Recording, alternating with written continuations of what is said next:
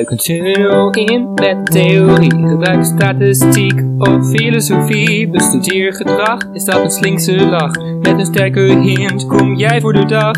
Wie is de mol? Oh, we vinden hem niet. Er is totale tunnelpaniek. Totale tunnelpaniek. Hallo, lieve luisteraars en welkom bij... Totale tunnelpaniek. Dankjewel, Mitch. En hier ook gelijk je shout-out. Welkom, Mitch! Wij zijn Dennis, Jan, Lars en ik, Tigo. En vandaag bespreken we de zesde aflevering van Wie is de Bol 21. Die begint met Rick in de regen, terwijl je heel subtiel een bus op de achtergrond ziet rijden. En het scheen nogal gedoe te zijn geweest om dat goed op beeld te krijgen, dus vandaar dat ik het nog even extra onder de aandacht breng.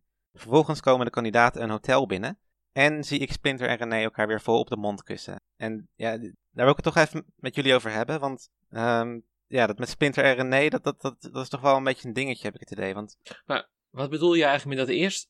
Sorry hoor, maar wat dat eerste wat je zei, van dat, moest, eh, dat was moeilijk met de opname of zo? ja, dat was te horen in de, in de officiële podcast van Wie is de Mol met eh, Maar wat was er dan? Annemieke Scholar. Ja, blijkbaar was het, die scène moest de hele tijd opnieuw, omdat de hele tijd dan, dan was de bus al te vroeg of dan was de bus te laat. En ehm, ja, uiteindelijk zie je die bus bijna niet. Was het een beetje zo van, oké, Oh. Nou, maar dat zijn wel echt de, de achtergrondinformatie die je nodig hebt. precies. Ja, als, als er geen afvaller is, dan moet je toch wat eh, Ja. ergens mee eh, voor de dag Ja, ik was eigenlijk- alleen maar aan het letten op die paraplu. Want ik dacht van, oh, die paraplu wil ik ook hebben. Oh, Het was een transparante paraplu, toch? Ja, superleuk. Ja. Nou, misschien dat hij op de veiling, er is altijd zo'n Wie is de Mol veiling op het eind. Ja, Misschien wordt hij wel geveild. ik denk het niet, maar ja, dan een paar honderd euro neertellen voor een paraplu. Dat zie ik Dennis wel doen. waarom niet? maar ehm, Splinter en René, wat, ik zag later in de bus ook weer dat René dan helemaal tegen Splinter aan zat te schuren en zo. Ja, ik, ik vind het zelf een beetje dat ik denk van, hmm, oké. Sorry, gaat het nou over die, gaat het nou over die hotelkamer? Daarvoor nog, dan zie je Splinter en René, of, Ja, maar Splinter is gewoon haar gay best friend. sorry, wat zei je? Splinter is gewoon haar gay best friend, dus dan doe je dat soort dingen. Oké. Oké. Oké. Ja, nee, dat, dat, dat is een nieuwe term voor mij. Oké. Ja, dat, dat, dat is een beetje hoe het werkt. Als, als dan vrouwen weten dat je homo bent, dan, dan mag je hun borsten aanraken en zo. En ja. Ja. Nee. Ja, dat wist ik niet. Nee, Dus het oké. is misschien wel een. Dat kan wel een tactiek dan voor jou zijn, Tigo. Dat je zegt van ja, nee, ik ben oh homo. eh. Kan ik nu? Oh, nee. Oh nee, dat Oh. moet, dat moet niet helemaal uitlopen tot een, tot een MeToo. eh. En eh, precies, eh, ik wil nog even zeggen: dit kun je niet doen Ja. bij mensen Nee. of bij vrouwen. Want eh, als zij dat niet willen, mag je dat niet doen. Dan mag je alleen doen als zij dat ook goed vinden. Ik zeg helemaal niet tegen mensen dat ze dit nu zomaar mensen moeten gaan aanraken. Echt totaal niet. Laat het even duidelijk zijn. Goed. nee, Maar je had een vraag, Tigo. Eh, Nee, goed. Ja, nee, dat, dat is al beantwoord. In principe. Oké. Oh ja, en trouwens, wat je ook nog ziet is dat eh Marije die zegt dat ze blijkbaar in haar slaap gewoon doorpraat. En volgens haar kun je mensen die dat doen ook gewoon vragen blijven stellen. En daar hebben we het een keer over gehad, volgens mij bij de After Dark. Ja, klopt. En Charlotte zei ook inderdaad van, oké, dan, eh, dan blijf ik gewoon op en dan eh, ga ik je helemaal uithoren. Ja, dus ik denk ook, als ik mee zou doen aan Wie is de Mol, ik zou gewoon niet slapen, denk ik dan. Want Nee. ik ben dan zo bewust van dat je met iemand op een kamer ligt en dat je heel erg, dat er op je gelet wordt. En dan wil ik, ik volgens mij praat ik niet, ik praat niet in mijn slaap, maar alsnog zou ik dan bang zijn dat ik toch dan iets zeg of een naam of zo. Als je de mol bent, dat je dan misschien iets van mol zegt of Rick, wat doe je moeilijk of een beetje dat soort dingen. Ik, ja, Hmm. dat, ja. Maar je kan er misschien ook weer misbruik van maken, dat je dan doet alsof je slaapt en dan zoiets zegt van, Ja. eh, ik, ik ben de mol. Next En- level. En dan, Ja, het is, het is wel een beetje, een beetje wanhopig of zo. Maar gisteravond toen kon ik niet slapen. En toen lag ik daar serieus aan te denken. Van ja, als ik de mol was, eh, dan ging ik gewoon in me. Denk, zou ik denken alsof ik in. Of dan zou ik doen alsof ik sliep. En dan ging ik eerst, of dan lag ik in bed. En dan ging ik eerst heel rustig ademhalen. Van dat de ander denkt dat ik slaap. En dan ga ik dus dat soort dingen zeggen. Dan ga ik dus gewoon heel af en toe een woordje noemen. Of zo. En dan lijkt het alsof ik een kandidaat ben. Of juist als ik kandidaat ben, dat ik dan juist doe alsof ik de mol ben. Maar goed, dus. Maar ik, eh, hebben jullie ook wel eens dat soort dingen, dat soort gedachten? Dat je denkt van, wat zou ik doen als mol of zo? Als je in bed ligt en je kunt niet slapen. Nou, je had wel een keer in de Vlaamse mol dat eh, een van de kandidaten die deed toen die, eh, die liep toen ook naast iemand en toen deed hij ineens zijn oog open. Ja, maar dat, toen dacht dat ik is dat, eng. Nee, toen dacht ik dat dat een molactie was, maar blijkbaar, eh, blijkbaar toch niet. Nou, zullen we dan naar de eerste opdracht gaan? Nou, ik, ik vond wel, eh, ik vroeg me wel iets af nog over ehm, dat Marije, die zei meteen tegen René, die pakte zo die sleutel van die hotelkamer. René, jij mag alleen op een kamer. En dat was helemaal René van, oh, wat een eer en zo. Maar ik dacht, hoezo wordt René uitgekozen dat ze alleen op een kamer Ja. mag? Ja, maar ja, ik, ik stel me dan Omdat voor dat zij, mis- dat zij misschien dat al heel lang wilde of zo. Dat zij denkt van, ja, ik wil eindelijk een keer wat tijd voor mezelf en dat het dan nu mag. Ja, die backst maar die backstory hebben we niet, toch? Dat René in vorige afleveringen zei van... Oh nee, ik lig nooit alleen op een kamer. Ik lig altijd naast iemand die ligt te snurken of zo. Maar wel dat ze heel vaak niet, een bes- niet de beslissing mag maken. Net zoals toen met Joshua. Dat hij Ja, maar Ja, nu maar was- die maakt ze ook niet de Ja, beslissing. precies. Deed Ja. Marije dat. Ja, dat is waar. Dat is waar. Maar misschien heeft ze dan al wel eerder gezegd dat ze alleen op een kamer wou en dat het toen. Waarschijnlijk door Joshua. Ja, dat zou goed kunnen. Nou ja, dan heeft Marije in ieder geval nog iets te zeggen gehad. Ja, Ja. oh my god. Ja, ik vond het echt leuk dat het een soort, dit was een soort van de anti-Marije aflevering. Ja, Dat eigenlijk, eigenlijk wel gewoon, ik, ik kon ook gewoon Marije daardoor ook nog wel weer gewoon extra waarderen. Ook al deze soms wat dingen die hypocriet waren. Maar ik, ja, ik, ik, ik, ik vond haar juist wel leuker weer daardoor. Ja. Kwam een beetje in die eh, underdog eh, positie. Ja, maar wel echt op zo'n zo'n grappige manier. Ja, ja.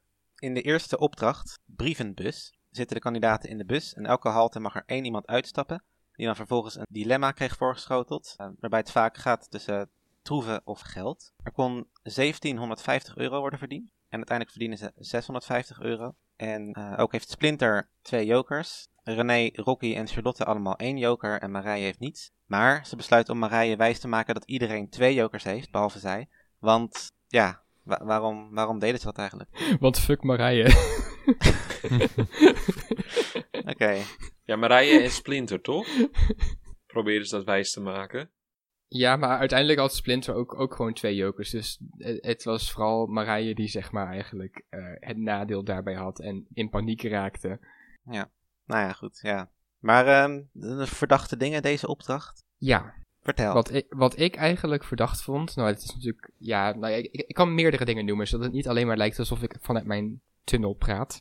Ten eerste vond ik het dus verdacht dat eh, Splinter heel opzichtig aan het liegen was. En daarna, deze, Mhm. daarna ging hij wel de waarheid vertellen, want hij wist natuurlijk ook dat die informatie uiteindelijk gewoon een spel inkomt van wie de waarheid spreekt en wie niet. En als hij de mol is. als hij de mol is. En hij zei zelfs nog iets, zo'n zin erbij van, oh jongens, ik kan echt niet liegen. Ja. En dan gaan, gaan bij mij echt gewoon de alarmbellen van, oké, mol, mol, mol. Dat kan, maar het, wa het was eerlijk gezegd toch wel dat Marije ook zei van... Je bent echt aan het liegen of zoiets. Hij zei niet echt heel actief uit zichzelf van... Ik ben aan het liegen. Dat was toch echt Marije die dat eruit haalde. Hij was echt heel opzichtig gewoon die pokerface aan het houden, waardoor je zag dat hij aan het liegen was. Maar hij, hij moest wel lachen toen hij Marije weer aankeek. Toen moest hij lachen en toen kwam hij ervoor uit. En toen zei Marije ook dat waarschijnlijk. Ja, Dus ja, ik denk wel als mol zou ik ook misschien wel zoiets doen hoor. Misschien wat meer aan het begin van het spel, niet op dit moment. Gewoon dat je doet alsof je slecht in liegen bent. Ja. Maar ja, het kan natuurlijk ook als kandidaat zijn dat hij gewoon niet kan liegen. Dus ja, nee, maar dat vond ik wel echt een, een molstrategie. Van, oké, kijk, ik kan echt niet liegen, jongens. En Ja, dus eigenlijk, ik zat bij deze opdracht ook wel aan het begin, dacht ik van, oh ja, want ik zat natuurlijk ook te focussen op Splinter. En die had die keuze voor een joker of 250 euro in de pot. Toen ging hij voor de joker, dus ik dacht, nou mooi, dat past in het molstraatje. Eh, en hij wilde ook, volgens mij in die halte, wilde hij zelf er ook echt uit. Dus dat zou je als mol ook willen. Maar toen later, volgens mij bij halte, wat was het, halte 7 of nee, halte 8 was het. Toen kon hij, als hij bleef staan, verdiende hij 250 euro. En als hij terugging in de bus, verdiende hij 300, of dan ging er 350 euro uit de pot. En toen bleef hij staan. Ik dacht, ja, als mol moet je nou teruggaan in de bus. Het is wel 100 euro verschil. Want later dus degene die in het einde in de bus zou zitten, zou 250 euro verdienen. Dus in principe zou er dan op, op of dan zou hij dan min 100 hebben verdiend in plaats van 0. Ja. Klopt het nou wel? Ja, het klopt wat ik zeg. Dus dat vond ik een beetje, dacht ik van shit, dit past niet in het Splinterstraatje. Klopt. Tigo, hoe dacht jij erover? Want jij verdenkt natuurlijk ook Splinter. Nou ja, deze aflevering heeft mij wel eh, aan het twijfelen gebracht. Eh, De hele aflevering of bij opdracht 1 al? Nou ja, ook later in de aflevering nog. Maar in, dit, dit moment was inderdaad wel een beetje dat ik dacht van... Sowieso toen hij uitstapte, maar inderdaad toen later bleek dat de mensen die overbleven ook geld in het laadje brachten, dacht ik wel van oké, dat nuanceert het wel een beetje. Dat je Ja. toch minder opgehaald, maar ja, het is wel- het is wel weer geld natuurlijk. Want ook als je blijft staan zoals hij deed, dan is het wel zo van de anderen weten niet wat je doet. Dus dan lijkt het ook verdacht op dat moment. Want dan kunnen ze allemaal verhalen gaan verzinnen van waarom die daar blijft staan, krijgt hij jokers. En als hij teruggaat, kan hij proberen te liegen en te zeggen van oh, ik heb iets heel goeds gedaan. En dan, Ja, zoals, ehm, ja, je kon, eh, wat zei Marij ook alweer op een gegeven moment? Van ja, Nou, dat, dat was ook echt, echt iconisch. Dat ze dan zeg maar eh, bij halte 6 was dat. Zeiden ze van ja, als ik was blijven staan, dan had ik drie jokers gekregen. en als ik de bus weer inkwam, dan eh, zou er geld in de pot komen. En ze zegt niet eens hoeveel geld. Ze zegt gewoon van dan, kom- dan komt er geld in de pot. Wat echt duidelijk een leugen was. En, toen, en toen, stapte ze, toen mocht ze dus, omdat ze eh, voor de groep had gekozen, mocht ze in halte 7 mocht ze er weer uit. En toen moest ze blijven staan. En toen had ze ook een biecht van, ja, waarom ben ik altijd zo eerlijk? En eh, terwijl, terwijl ze net daarvoor loog. Ja. ja, Ja. dat was echt zo grappig. Het was ook zo mooi dat dat net het moment was waarop ze die vraagteken-envelop kreeg, waarin ze dus achterhaalde dat bijna iedereen loog, behalve René. Dat ze ook iedereen, zeg maar, echt ging zeggen van, jij hebt tegen mij gelogen, jij hebt tegen mij gelogen, jij hebt tegen mij gelogen, en dan nog zo heilig poontje. Dat was wel mooi. Maar dat vond ik ook raar als kandidaat hoor. Dus stel dat je als kandidaat die envelop hebt. Want zij ging meteen die envelop delen met de groep. Dus iedereen wist toen op dat punt van René heeft de waarheid gesproken, de rest heeft gelogen. Dat had zij natuurlijk gewoon voor zich kunnen houden. Dan had zij misschien meer informatie gehad. Dus dat vond ik wel apart dat ze dat deelde. En ik vond sowieso Marije deze hele aflevering een beetje Marije Mol aflevering. Want zij is nou ook de enige bij de bus die volgens mij ook 350 euro uit de pot haalde. Verder niks verdiend heeft. Terwijl de andere mensen allemaal of verdiend hebben of 0 euro uiteindelijk hebben binnengehaald. En Marije die was de enige die wel echt volgens mij min 350 in totaal had. En ik vond ook Charlotte, dat was ook, die was natuurlijk ook aan het liegen over dat ze bij halte 9, als je daaruit ging, ging er 250 euro uit de pot. Maar je kreeg ook een joker. Eh, maar zij mocht dan er niet uit bij halte 9. Dat was haar eh, aanwijzing bij eh, halte, wat was het, 4. Maar toen ging ze terug in de bus. En toen zei ze van ja, degene die er bij, bij halte 9 uitgaat, dan gaat er 250 euro uit. Maar ik mag het niet zijn. En dat was dan alles. Maar dat, dat is dus een hele rare, rare hint of rare aanwijzing, toch? Dus dan wist je al van dit klopt gewoon niet. Dit is Hmm. gewoon gelogen. Dus dat vond ik van haar ook slecht gelogen. Ja. Dus als zij de mol is, Charlotte, dan vind ik het een beetje een, ja, een beetje een zwak moment. Of ja, ze wist misschien dat het uit zou komen dat de gelogen, dat ze gelogen had of zo. Dat ze dan. Ik denk dat het heel obvious was dat, eh, want je had dan ook meteen die biecht van Marije, waarin ze zei van, ja, daar zit meer achter. Dus dat mensen dan ni- nieuwsgierig zouden worden van, oh, zit daar iets van een voordeel aan, een troef, zoals ze dat nu zeggen. Ja. Ja, is dat je bedoelt dat dan de mensen bij, af, of bij halte 9 er juist uit willen? Ja, precies. Ja, dat had gekund, ja. Ja, en wat ik eigenlijk een beetje vaag vond bij deze opdracht was dat er, er was 1750 euro te verdienen. Ja.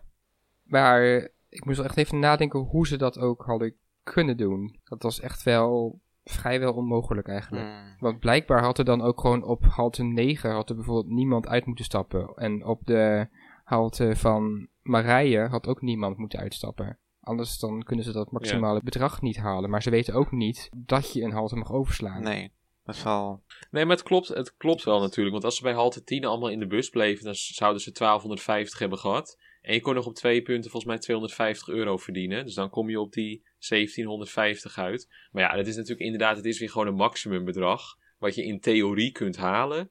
Maar in de praktijk gaat het gewoon niet lukken. Ja, Nee, want op, op zich was er voor die, voor die halte 9 was er dus wel ook een hint van dat daar dus min 250 verdiend zou worden. Dus daarvan Mhm. konden ze nog bedenken van oké, misschien moeten we hier niet uitstappen. Maar die van Marije, dat was ook gewoon, tenminste daar, daar hebben wij geen, geen hint naar gezien dat daar niemand moest uitstappen. Nee, Dus het is ook gewoon niet logisch om niet uit te stappen bij een halte. Waardoor ze het gewoon het maximale bedrag niet konden verdienen. maar je zegt nu al van er was niet informatie over halte 7. Maar er is wel nog een hint over deze opdracht. Met de aanwijzingen die op de bordjes stonden bij de haltes. Maar daar komen we in het hintgedeelte komen op terug. Dus ik wil jullie alvast even voorbereiden hiervoor. En ook de luisteraars van blijf luisteren. Want misschien wel iets aan de hand met die teksten op de borden. Oké, Oké. spannend. Oké. Ja. En wat vonden jullie eigenlijk? Want we hebben nu een aantal mensen genoemd. Maar Rocky hebben we volgens mij nog geen één keer genoemd, deze opdracht. Nee, die was ook niet relevant. nee, nee. My god. Nou, ik vond het haar gewoon best wel redelijk goed doen. Jij zat vorige week toch op Rocky, of niet? Ja, maar dat was ook meer een schot voor de boegmol. Nee, maar daar wil ik je nou niet op aanvallen of zo. Van, ah, je zat op Rocky. Maar ik ben gewoon van benieuwd van... verstandsverbijstering. Sorry? Een vlaag van verstandsverbijstering. Ja, dat- nee, maar ehm, nee, daar wil ik je niet op aanspreken. Maar ik was gewoon benieuwd van, oké, jij dacht dat Rocky het was. Dus hoe stond jij of hoe keek jij naar opdracht 1 ten opzichte van Rocky? Ja, ik vind eigenlijk niet dat Rookie iets heel erg goeds of fouts heeft gedaan. Maar ze heeft ook het spel niet echt beïnvloed. Het was echt meer andere mensen. Want ze stapte ook niet echt heel erg uit bij interessante haltes. En dat, ja... Ja. Dat is anders dan bijvoorbeeld Splinter, die per se bij halte 2 uit wilde stappen. Of, of tenminste, zo kwam dat over. Of Ja, niet bij bij de halte eerste drie. halte, zo moet ik het zeggen, ja. Ja, bij halte 3 en Rocky wilde Ja. bij halte 2. Dus dat was inderdaad de eerste. En daar Ah, was eigenlijk inderdaad niks interessants. er kwam er een hele discussie over wie er dan bij halte 4 moest uitstappen. Nee, ik wil bij halte 4. Ja, die Marije was wel echt eh on fire hoor, deze aflevering. Verder nog verdachte dingen gezien? Nou ja, bijvoorbeeld dat René dus koos voor 250 euro in de pot. Plus twee mensen die een joker kregen. En niet voor 500 euro uit de pot. Hmm. Ja. Dus ja, doe je dat als mol? Maar ik, ik heb dus opgeschreven on mols, maar eigenlijk ook on kandidaats. Want als kandidaat, dat zei Charlotte ook in haar biecht, van dat zij voor de min 500 waarschijnlijk was gegaan. Want je geeft toch twee kandidaten een voordeel met een joker. Het is Ah. wel zo, in deze fase van het spel zit je waarschijnlijk wel, heeft iedereen wel echt een hoofdverdachte. Dus als je dan verkeerd zit, dan maakt een joker ook niet zoveel uit. Maar toch, ja, ook toch apart. Wat ik opvallend eraan vind, is dat ze geen joker gaf aan haar zogenoemde mol, Marije. Want daar zat ze het meest op. En daar heeft ze helemaal geen joker aan gegeven van de keuzes die ze had. Nee, Ja. want dit, dit was de anti-Marije aflevering, dus dat kon niet. Nee, maar dat is op zich, het is wel een goed punt. Want René zit natuurlijk op Charlotte en eh Marije als we de ehm, test moeten, we gelo- eh, moeten geloven, dat testpraatje. Dan zou ze inderdaad aan Marije een joker moeten geven. Maar zei ze niet zoiets van, eh, ja, ik hoop dat als ik nu iets geef, dat ik dan later er iets voor terugkrijg of zo? Ja, dat zei ze wel, ja. Dus ja, waarschijnlijk was dat haar, haar hoop daarmee. ja, of misschien heeft dat gelabber met Splinter gewoon ook zijn vruchten afgeworpen voor hem. Ja, dat is allemaal eh, tactiek van Splinter Ja. natuurlijk. nou, ik volg natuurlijk nu ook Splinter en eh, René op Instagram. Maar ze zijn ook Oh. volgens mij wonen ze bij elkaar. Ze hebben constant van die verhalen van dat, of, eh, dat Splinter haar zit te voeren. Want ze had toen de polsen in het gips. En ehm, Ah. gisteren ook weer was Splinter met Joshua. Dus volgens mij. En dan Joshua bij René. En ze zijn altijd met z'n drieën. Dus volgens mij hebben ze gewoon een soort van woon-arrangement. dat ze nu met z'n drieën wonen. Ik heb geen idee. Begeleid wonen. Begeleid wonen. zij, eh, zij zijn dan de mantelzorgers van René. Interessant. Ja. Nou, hou ons op de hoogte van, eh, van de, van de privéontwikkelingen. Zal ik anders een, eh, een Instagram-rubriekje van Ja. eh molkandidaten gaan houden? Ja, dat jij even alle social media aan de gaten houdt en dan een soort van shownieuws binnen de podcast. Ja. Oh my god, jij bent onze Marije. Maar ook echt die mensen bij Shownieuws en RTL Boulevard. Ik kijk het soms wel eens, RTL Boulevard. Ik denk echt, waar gaat het over? En er zitten echt zo van mediadeskundigen. Dan denk ik echt van, wat, wat doe je in vrede? Wat, wat is dit? Waar gaat het over? Royalty-deskundigen. Maar goed, dit is weer even we ontsporen helemaal. Sorry. Professioneel stalken. Ja, eigenlijk wel. Dat is eigenlijk ook wat ik in het Vondelpark doe. Goed. nou ja, dus ik, ik zei dus dat René 250 euro had verdiend. Maar dat haalden ze er wel weer uit bij halte 9. Dus in principe had zij 0 euro, volgens mij. Nee, sorry, 250 euro. Omdat bij halte 10 kreeg ze wel 250 euro. En Rocky heeft dus alleen maar verdiend. Dus alleen Marije, die heeft eigenlijk geld uit de pot gehaald. Deze opdracht. Oké. Moeten we nog even hebben over, de, over Marije's poging om beddingmeester te worden? Ja, ze werd weer gehaat. Ik bedoel, eh, het was Mm. gewoon weer... eh, ja, totaal onnodig wat ze probeerde. Het was geen goede poging. Ze zei, want Splinter vroeg haar om een reden en ze zei van, ja, dat lijkt me leuk.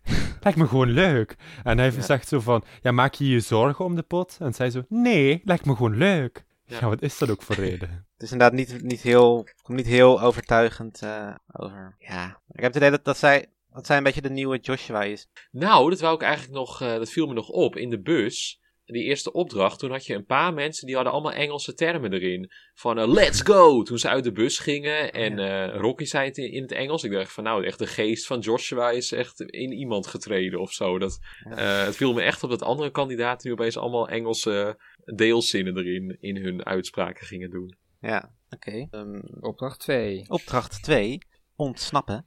Hier ga ik Benno nog wel eventjes eh, wat vragen over stellen. Over wat ik vind dat, ja, ontsnappen. Dat, nou, Ja, het kan misschien ook slaan omdat je het niet begrijpt. Dat je het niet meer begrijpt, dat je het ontsnapt. Oh, Ja. Dan zou dat op Marije slaan. Maar dan, dan zouden ze Ja. waarschijnlijk wel een streepje erbij doen en, en onderstrepen en cursief en vet gedrukt en allemaal pijlen die er naartoe wijzen van dit is een woordgrap. Nou ja, goed. Ik, ik, ik, zal het, ik zal het even aan Benno vragen wat, eh, hoe dat is ontstaan. Ja, ik sta hier in het geheime hoofdkantoor van Wie is de Mol en ik mag kort even wat vragen stellen aan Benno Mentveld. Benno, stel je kort even voor aan de mensen die je nog niet kennen. Nou, ik ben Benno en ik werk als opdrachtbetitelaar bij Wie is de Mol. Yes, nou ik moet zeggen dat er dit jaar echt een aantal pronkstukken van opdrachttitels in zitten. De dans ontspringen, om de tuin leiden, kameraad. Ja, nou ja, dat is ons werk, hè. Wij zijn met ons team niet voor niets tweede geworden bij de beste opdrachtbetitelaarsverkiezingen van de gemeente Capelle aan den IJssel. Oh, wie deden er dan zo al mee aan die verkiezingen? Nou, toch niet de minste hoor. Eh, Ik noem een, eh, een, een, een plaatselijke eh, speurtochtvereniging De Wandelstok bijvoorbeeld. Jawel, die gingen er met de eerste plek vandoor. Zo zo. Eh, En er nog meer? Eh, d- dat, was, dat was de enige andere deelnemer dan eigenlijk, hè? Ja. Oh, nou ja, goed. Ehm, in ieder geval, er waren ook wel wat opdrachttitels dit seizoen die, ja, een beetje onze wenkbrauwen deden fronsen. Zoals Moltenbijken. Ach ja, Moltenbijken. Een van onze beste wel, ja. We dachten, we moeten er eens met mol erin. Dus we dachten ergens een beetje in de richting van wielrennen. Bijvoorbeeld Tom du Mollin, hè, de, de, de- Het is mollen of stilstaan. nou, uiteindelijk na lang beraad ging het tussen Moltenwijken en eh, Stop die vies maar lekker in je mol. Dus toen waren we er vrij snel over uit dat het het eerste werd. Ja, toch wel, ja. Ah, oké. Nou ja. Eh, maar dan die gevangenisopdracht, hè. Ontsnappen. Really? Was de inspiratie even op? Integendeel. We hadden voor die opdracht juist ideeën in overvloed. Ja, ze bleven maar komen. Bevrijden, uitbreken, vluchten, ontkomen, ontglippen, wegsluipen, wegwezen, vertrekken, er gaan, eclipseren, aftaaien, de kuier latten nemen, de biezen pakken, opsodemieteren. Oké, goed, maar eh, er zit dus geen diepere laag in ontsnappen. Nou, als je het niet doorvertelt, eigenlijk zit er een verborgen aanwijzing in naar de mol. Oh, nou, dan zijn we heel benieuwd. Nou, vooruit, hè? Ja, ont is natuurlijk een ontkenning, dus ontsnappen betekent eigenlijk niet snappen. En wie snappen er niets van deze opdracht? Eh, nou ja, volgens mij iedereen was een beetje. Behalve de mol natuurlijk. En ont is ook een tegenstelling. De titel verwijst naar de enige persoon die de opdracht wel snapt, namelijk de mol. Ja, maar, maar wie is de mol? Ja, dat moet je aan de programmabetitelaars vragen. Daar heb ik geen verstand van. Kom nou. Oké, nou ja, goed. Eh, bedankt en eh, wie weet, tot ooit. Ehm, de kandidaten zitten opgesloten in een oude gevangenis. Ze moeten ontsnappen uit een cel en vervolgens deelopdrachten uitvoeren voor geld. Marije weet als enige niet te ontsnappen en daardoor wordt er geen geld verdiend. Dus, Marije is de mol of niet? Ja, nou, ik ben het duidelijk is. Nou, opdracht 3. Ehm Ze had wel zo'n uitspraak dat ze zei van... Heeft iemand een bril voor mij? Dat was echt zo'n... zo, zo, Oh, zo'n een hint. ja, zo'n... Anne- Dat is echt zo'n Annemarie van... Oh, ik, ik wil je graven, hint. Was het ook serieus een hint in 2012 met Annemarie van ik wil Ja, dat, wa- dat was Oh, serieus een hint. Ja, maar mollen die zijn toch blind? Die hebben geen bril nodig, blinde mensen. Nou, mollen zijn slechtziend, dacht ik. Ze zijn niet Oh. per se blind. Oké, Ja. dan heb ik En- niks gezegd. Logica in Wie is de Bol is niet altijd van toepassing. True, Nee, dat true. klopt. Maar ehm, ik trouwens, sorry hoor, dat was zitten nou in opdracht 2. Maar ik weet nog, in opdracht 1, Dennis, jij zei dat je het eigenlijk niet zo'n leuke opdracht vond. Want ik vond opdracht 1 heel leuk. Maar Dennis vond opdracht 1 niet zo leuk. Misschien dat hij nog Oh. even daarover wil uitweiden. Dat we dan gewoon met opdracht 2 verder kunnen gaan. Of gooi ik nou dit hele schema in de war? Ja, maar dat maakt niks uit. Gaan we, gaan we daarna de hints doen en dan de, wat we de volgende keer gaan bespreken. Ja, gaan we daarna opdracht dat mag 2 ook. en dan oh, lekker, lekker alles door elkaar doen deze avond. Mhm. Nee, maar vertel. Ja, en ik vond sowieso de jokers een beetje overbodig. We hebben nu echt zo vaak jokers en vrijstellingen. Ja. Dat ik dacht van, jeetje, alweer jokers. En de dilemma's waren gewoon niet zo sterk. Het was niet zo spannend. En inderdaad, wat ik zei van, het is een beetje vaag van of ze nou... Ze, ze hadden geen uitleg gehad dat er mensen ook een halte niet konden uitstappen. Dus het was, het maximale bedrag was niet te halen. En dat was eigenlijk meer doordat ze de regels niet snapten. Doordat, in plaats van dat ze gewoon de opdracht niet goed deden. Ja. Ik had, ja. Dus ja, uiteindelijk vond ik het gewoon een beetje een matige opdracht. Ja, dat van die regels niet begrijpen, dat vind ik eigenlijk ook een beetje weer terugkomen in opdracht 2. Want daar ging het ook mis, omdat ze het niet snapt. Ja, dat is Ja, zo. Ja, ze, ze hebben inderdaad wel vaker de laatste seizoenen dat je het idee hebt van... eh, hebben ze alle regels wel uitgelegd van tevoren? Of is dit, ja... Maar is het ook uitgelegd in het eh, stukje van Rick, toen hij dus de opdracht aan de kijkers uitlegde? Zei hij toen van ze moeten allemaal eruit en dan pas verdienen ze het geld? Of wisten wij het als kijker eigenlijk ook niet? Er was geen Rick. Want ze, ze hadden zeg maar een, een bord bij de eerste halte en daar stond dan de informatie op. Oh, nee, sorry, ik had nu wel over opdracht 2. Oh, Want ik vond, dat, ik vond dat Lars een heel mooi bruggetje had. Want die ging van ja. missende regels van opdracht 1, die ging naar opdracht 2 door. Dus ik dacht van, oh, we zijn nu weer gewoon bij opdracht 2 Oké, ja, nee. Dan aanbeland. verwarrend allemaal met al die tijdsprongen. Nee, maar bij, bij opdracht 2 zaten zij dus allemaal in die cellen. En toen hoorde hij gewoon de uitleg van Rick, volgens mij. Heeft hij toen uitgelegd aan ons van dat ze allemaal moeten ontsnappen en an- dan pas wordt het geld verdiend? Of was het voor de kijker ook niet duidelijk? Weten jullie dat? Volgens mij zei hij dat ze wel dat ze allemaal moesten ontsnappen, maar niet, niet zo expliciet van ze moeten allemaal ontsnappen om het geld te... Maar hij, hij heeft volgens mij wel ergens iets ingezegd van ja, ze moeten proberen te ontsnappen. Nou, hij zei volgens mij van, ja, ze moeten ontsnappen uit een cel en dan vervolgens kunnen ze geld verdienen met deelopdrachten. Zo, zoiets zei hij volgens mij. Ja. Maar Ja, dus niet, niet, niet heel duidelijk in ieder geval. Maar dit was echt een topopdracht, vond ik. Ik vond het echt heel leuk. de molactie was eigenlijk van Rick. Ja. Is Rick de Mol? Nou, het komt ook elk jaar terug. Haha, leuk. Iedereen lachen. Ja, ik vond het echt een leuke opdracht om even over de opdrachten door te gaan. En waarom dan? Ja, gewoon, ik vond ik, met al die deelopdrachten en dat ze dan eerst apart zaten, dat ze dan samenkwamen, dat ze individuele, dat, ja, ik hou gewoon van escape room-achtige dingen. Dus ik vond het echt een, eh, echt een leuke opdracht. Ik ook hoor. Oh, gelukkig. Tigo, vond jij het een kutopdracht? Nee hoor, ik vond het ook leuk. Oh, nou, Ja. wat zijn we positief? Lars? Het enige wat ze misschien hadden kunnen doen was aan het einde uitleggen van hoe Marije eruit had moeten komen. Want dat miste ik. Klopt. Ja, met die lasso toch gewoon? Ja, maar er moet toch een soort van extra plan B zijn geweest. Als, als zij niet met die lasso kan gooien, dan zou het toch op een andere manier nog uit moet, moeten kunnen. Of dat ze dan die deur open kon maken of zo op een of andere manier. Of... Maar ook wat, ehm, wat Charlotte, want die moest natuurlijk met die kaars op die, eh, op die plank. En toen zei ze nog van ja, als de kaars nu valt, dan is, dan is het mislukt. Dus toen dacht ik van ja, inderdaad, want je zegt nu, er is een, misschien was er een plan B voor Marije, maar was er ook een plan B voor die kaars bijvoorbeeld? Zou ze een nieuwe kaars krijgen? Of... Nee, maar die, die kaars, die, dat was toch boven Marije. Dus die kaars zou dan vallen in de cel van Marije. En dan zou ze hem gewoon terug kunnen geven. Ja, En dan was zeg maar de bedoeling dat als die kaars dan in Marije's cel viel, dat hij dan in brand vloog of zo? Nee. nee. Nee, maar ik bedoel, dan was die kaars dus gevallen, maar dan is hij waarschijnlijk... Marije kon die denk ik niet echt aangeven, of... De, de, hoe moet niet per se een plan B zijn? Dat was eigenlijk mijn eh, conclusie van dit punt. Ja, nee, eigenlijk had Marije dan gewoon de brandende kaars moet, moet, moet- moeten vangen. Want, ja. Want ze had wel kaarsvet op haar muts, viel me nog op. want, want later, ze had dus gewoon zo'n dat zwarte mutsje op. En, en Charlotte heeft dezelfde, maar dan in het wit volgens mij. Dus ik vraag me af, hebben ze die samen in Tsjechië gekocht of zo? Ik vind ook niet echt hele leuke mutsjes trouwens. Maar ze had, na een tijdje zaten er allemaal van die vlekken op. Dus ik dacht, volgens mij is het gewoon kaarsvet. Want ze hadden het eerst niet en later wel. En toen stond ze natuurlijk al eronder die kaars. Nou, Nou, laten we het daarop houden dat het kaarsvet is. Nou, wat, eh, wat eh, denk jij dat er dan is, Tigo? dat, dat weet ik veel, ja. ik weet het anders ook niet. Dus, Tandpasta. Nou, ik snap er helemaal niets van. maar goed, wat, wat ik dus niet verdacht vond aan Splinter was dat hij gewoon op een gegeven moment ziet hij random ergens geld liggen en dan roept hij van, hey, hier ligt geld. Dat zou een mol toch niet doen? Ja, maar toen zei hij: hey, 250 euro. Terwijl er 750 euro lag. Daar gingen Ah. werden mensen helemaal wild op. Maar, eh, wat? Oh? Want er lag dus 750 euro op de grond. En Splinter zegt: hey, 250 euro, roept hij. Hmm. Aanwijzing, hij is de mol.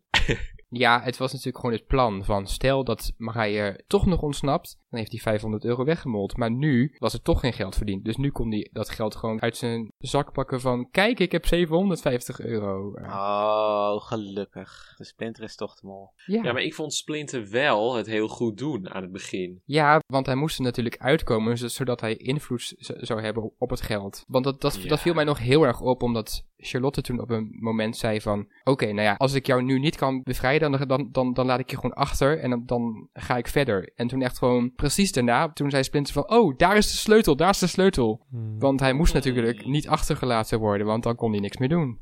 Dat is Het was ja. ook wel typisch dat hij vast zat met de enige persoon die hem verdenkt. Dat is inderdaad om zo zeg maar kandidaatachtig te lijken, omdat hij alles ziet en zo. Ja, dat ook nog. Ja. Hmm. Maar in principe, als hij vast bleef zitten, dan was er sowieso 0 euro verdiend. Dus hij hoefde als mol... Kijk, het is natuurlijk wel leuk als mol dat je in het spel meedoet. Maar voor het geld had hij ook wel achter kunnen blijven. Ja, maar dat was dan echt, zeg maar, super verdacht geweest. Ja, en dat was ook totaal niet leuk geweest. En inderdaad geen leuke molactie. Van, oké, ik heb gewoon niks gedaan en ik ben blij- in de cel blijven zitten en daardoor is de opdracht mislukt. Dat zou Stine Jensen doen. Ja, Oh, Stine was zo de mol toen. Ja. maar echt, ja, Marije met haar quotes, echt ook gewoon. Is er iemand goed met lasso's? En dan echt gewoon niemand die ook maar gewoon reageert of haar komt helpen. Ja, en volgens mij kwam Rocky één keer om een sleutel te halen. Toen zat Marije ook weer van, ja, Ja. kun je me helpen? En toen ging Rocky ook meteen weer weg. Dat was zo zielig. En, en echt op het einde ook van, vrolijke vrienden, ik zit nog steeds vast. Ja, maar het was ook, want ik zat dus ook even, want we hebben het nu voornamelijk over Splinter. Rocky die kwam ook vrij snel uit haar cel. Ja. En toen bevrijdde ze René ook vrij snel. En volgens mij deden zij het ook best wel oké. Ja, René was af en toe weer doof. ja. Dat was ook volgens mij toen René nog in de cel zat, toen riep ze Rocky. En toen antwoordde Rocky gewoon met een vraag van ja, wat is er? En toen negeerde René haar gewoon. Dus volgens mij hoorde die toen gewoon Rocky niet meer of zo. ik vond eigenlijk ze het allemaal best wel goed doen. Charlotte ook. Nou, alleen Marije dus niet. Die kwam heel laat uit die eerste cel. Nou, met die lasso was het niet gelukt. Nou, Charlotte deed ook niet supergoed, hè. Want Charlotte kwam in eerste instantie alleen vrij, omdat Splinter alles gewoon aan het voorkouwen was voor haar. Dat klopt, dat klopt. Ja, en ook dat moment waarmee ze met die kaars... Drie mensen moesten dat gaan vasthouden, for some reason. Dat was ook niet echt bepaald nodig. Nou, ze had last van haar armen. Ja, oké, dan maar ja. Ze had enorm verzuurde armen. nee, maar dat snap ik ook wel. Als je gewoon zo met zo'n met zo'n plank staat, na een tijdje gaan je armen natuurlijk gewoon, krijg je gewoon last van je armen. Ja, kijk, maar dan kan één iemand dat overnemen en niet ook nog René erbij die er eigenlijk niks stond te doen. Dat was zeg maar het, het moment om te zeggen van, nou, kan iemand Marije helpen? ja, precies. Ja, maar in principe niemand kon Marije helpen, toch? Want niemand kon bij haar komen. Maar je kon wel, zeg maar, tools aan haar geven of iets waardoor het makkelijker zou gaan. ja, ze, ze hadden toch van die stokken. Misschien was het daar ook al mee Ja. gelukt. Ja, gewoon de hele game hacken en dan... Misschien eh, was, was, was dat wel gewoon een plan B geweest. Dat iemand gewoon zo'n zo'n lat aan haar had gegeven. Dat ze hem zo had kunnen pakken. Ja, Ja, want daar is er genoeg van, ja. hmm. ook best lang. Ja, Nou, we hebben het Hm, dat opgelost. vind ik wel een goeie. Ja, verder heb ik eigenlijk niet zoveel over deze opdracht. Het viel me nog op het Splinter even, toen, die, toen ze net geld hadden gevonden, of toen ze er bijna uit moesten, toen wilde hij nog in alle cellen kijken voor meer geld. Maar daar lag natuurlijk niks. Om een beetje tijd te rekken, maar goed. Hmm. Ja, om en tijd te rekken. En natuurlijk, stel dat Marije nog vrij was, was gekomen. Dan had hij nog dat backup plan gehad van... Oh, we hebben ergens 500 euro gemist. Maar ik heb nog gezegd dat we in alle kamers moesten kijken. Oh, Zit ja. jij in een tunnel, Dennis? Ja, jij zit wel diep in die tunnel, Dennis. Dat is echt... eh, Een beetje Ja. maar. Maar ik vind het ook wel overtuigend, dus eh, ik sluit me er helemaal bij aan. Gelukkig. Ik word het de nieuwe Daan Achternaam van, eh, Ja. van dit seizoen. Ja, we moeten toch een beetje die leegte opvullen, hè? ja, maar Daan zit nu op Rocky, Rocky. toch? Ja, Brokkie. Ja. Ja, maar ik, vond, ik, ja, ik snap dat nog steeds niet. Ja, maar Rocky wordt volgens mij door best wel veel mensen nog wel verdacht. Maar misschien is het dan weer een wensmol of zo. Ja, maar Rocky heeft weer geld verdiend ook. Ja, Ja, maar dat kwam eerst door die veiling, waardoor iedereen helemaal confused was. Ja. Want dat was ook best wel gewoon vreemd. En ja, die veiling is ook gewoon niet leuk. Maar ja, dan gaan mensen dingen erachter zoeken. je hebt gewoon dat die mensen zitten allemaal zonder flash in de rocktunnel vast. Oké, dit is een Pokémon-verwijzing voor de mensen die... Ja, even, even, precies. Verder nog iets over deze opdracht? Nee. Oké, dan gaan we naar opdracht 3. Onder druk zetten. De kandidaten hebben elk drie levens en kunnen elkaar uitschakelen. De last man standing hoeft samen met twee andere kandidaten naar keuze zijn of haar scherm niet te zien. Ook kan er maximaal 2000 euro worden verdiend en uiteindelijk wordt er 750 euro verdiend. Ja, ik wil eigenlijk nog even terug naar het stukje ervoor. Oké, Ja, want je hebt dan nog het, het, weer het gesprek tussen Marije en Ch- Charlotte die eh, proberen lijsten uit te wisselen. Of nou ja, Marije probeert dat. En Charlotte die gaat vol, eh, ja, weet ik niet, heb ik niet. ja. Dat snap ik ook niet eigenlijk van Charlotte uit. Want als zij, als zij Marije meer verdenkt, dan het maakt toch niet uit hoeveel informatie over jezelf je aan de mol geeft. Want als Marije een kandidaat is, dan zou dat juist veel meer uitmaken. Dus ik snap niet waarom ze nu juist terughoudender is geworden. Ik snap überhaupt niet waarom ze nog geen vragenlijst hebben uitgewisseld. Want Marije had het in de biecht ook over van, ja, dan kan je in ieder geval één iemand uitsluiten. Ik dacht van, ja, maar heb, die, heb, heb je die andere lijsten niet dan? Hoezo niet? En ze natuurlijk in, ze hadden in aflevering 1, dat is natuurlijk dat mountainbiken, vreselijke titel.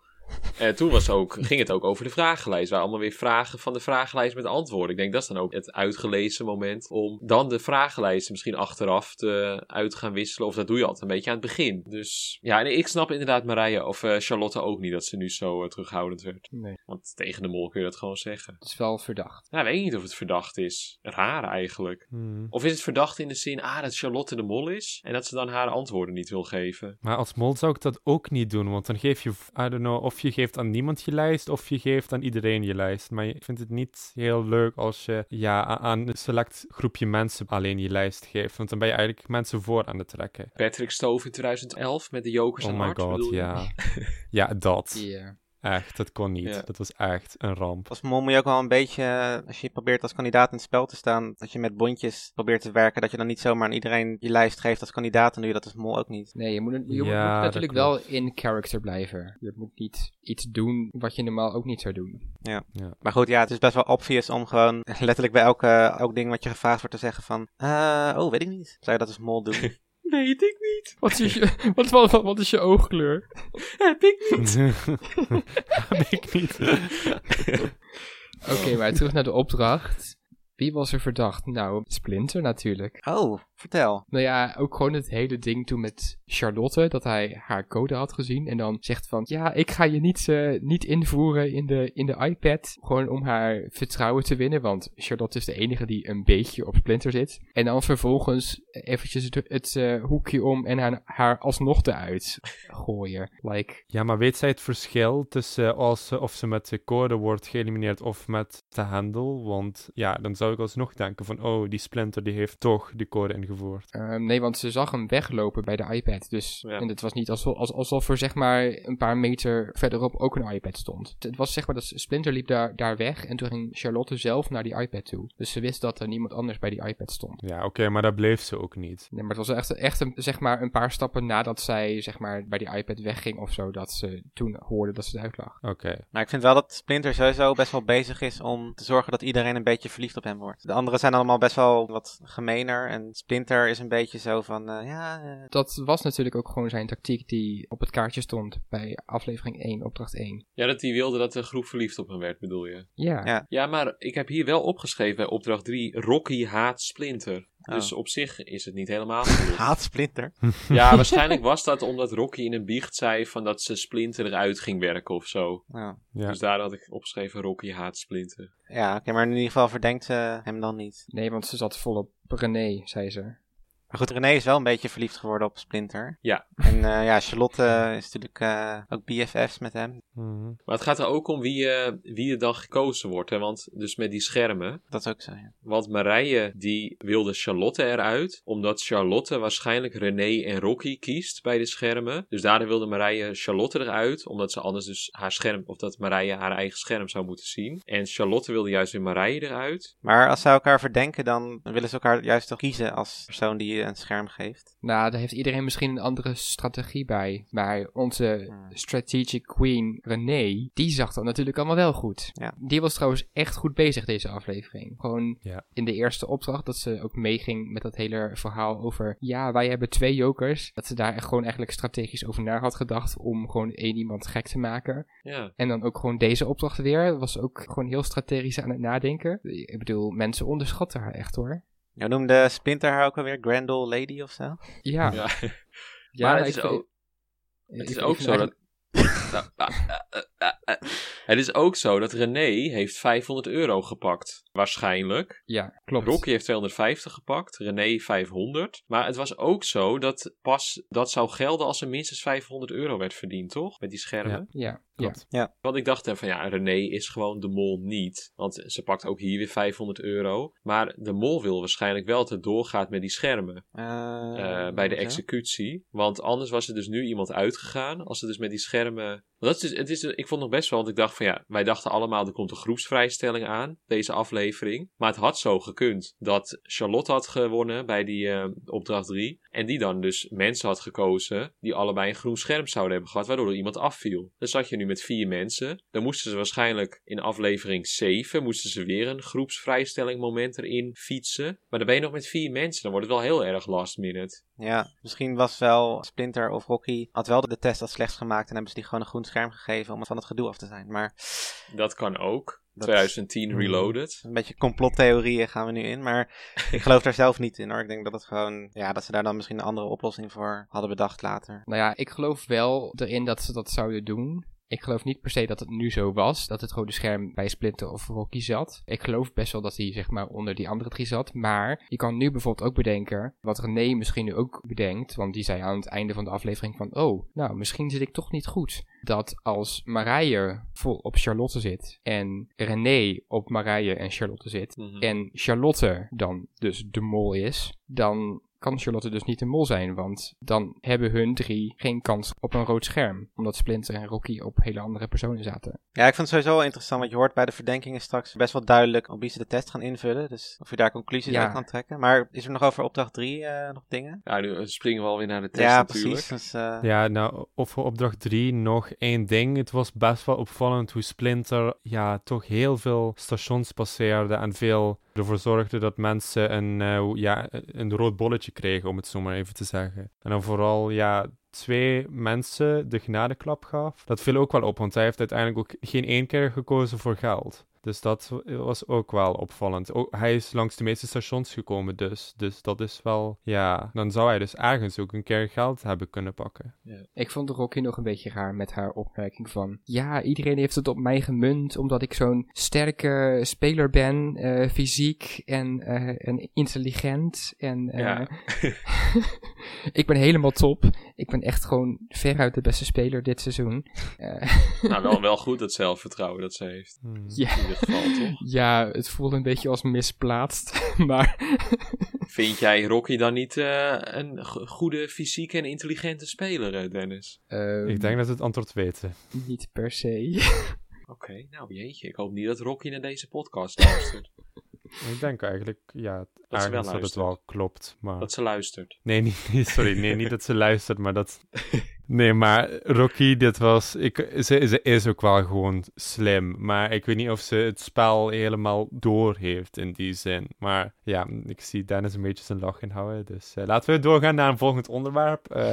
Nou, die Marije en Charlotte hebben gewoon twee afleveringen op rij een vrijstelling. Dat is ook wel heftig. Ja, maar dat is voor hun eigenlijk ook wel een beetje eh, kut, denk ik. Nou, op zich, ze hebben nu wel wat informatie. Ze weten dat ze in de groep van drie zitten die eh, eentje het slechtst gemaakt heeft. Maar ze hebben op, ja, inderdaad twee keer niet echt bevestiging van hun verdenkingen kunnen zien. Ja, maar dat vind ik ook altijd weer, weer zo'n... Die theorie hoor ik ook heel vaak van... Ja, je wilt toch liever je scherm zien, omdat je dan bevestigd wordt. Ja, Niet- maar ja, weet je, zo. je hebt altijd bevestiging totdat je eruit ligt en dan lig je eruit. Ja. Ja, dat is, het is ook gewoon bullshit opmerking van mij. Je hebt helemaal gelijk, Tigo. Helemaal gelijk. Ja, en wat betreft de test, van daar was ik natuurlijk al eerder over begonnen, van dat je dan mogelijk Charlotte kan afstrepen, omdat twee mensen die niet op Charlotte zitten een groen scherm hebben gekregen en twee mensen die wel op Charlotte zitten en Charlotte zelf die dan de mol zou zijn, zeg maar, dat daar een rood scherm onder zou zitten. Maar dat is natuurlijk, Ja. ja, wel met een waarschuwing erbij dat, dus in 2010 kon je eigenlijk Kim Peters ook afschrijven door zo'n executie. Mhm. Maar dat was dus niet zo. En volgens mij zei iemand ook dat het in 2020 ook zo was met Rob. Dat je hem eigenlijk kon afschrijven door zo'n soortgelijke executie. En dat was ook niet zo. Ja, maar dat was volgens mij... ehm, volgens mij klopte die theorie ook niet helemaal hoor. Want toen zat ik daar nog echt bovenop op dat wie verdenkt wie. eh.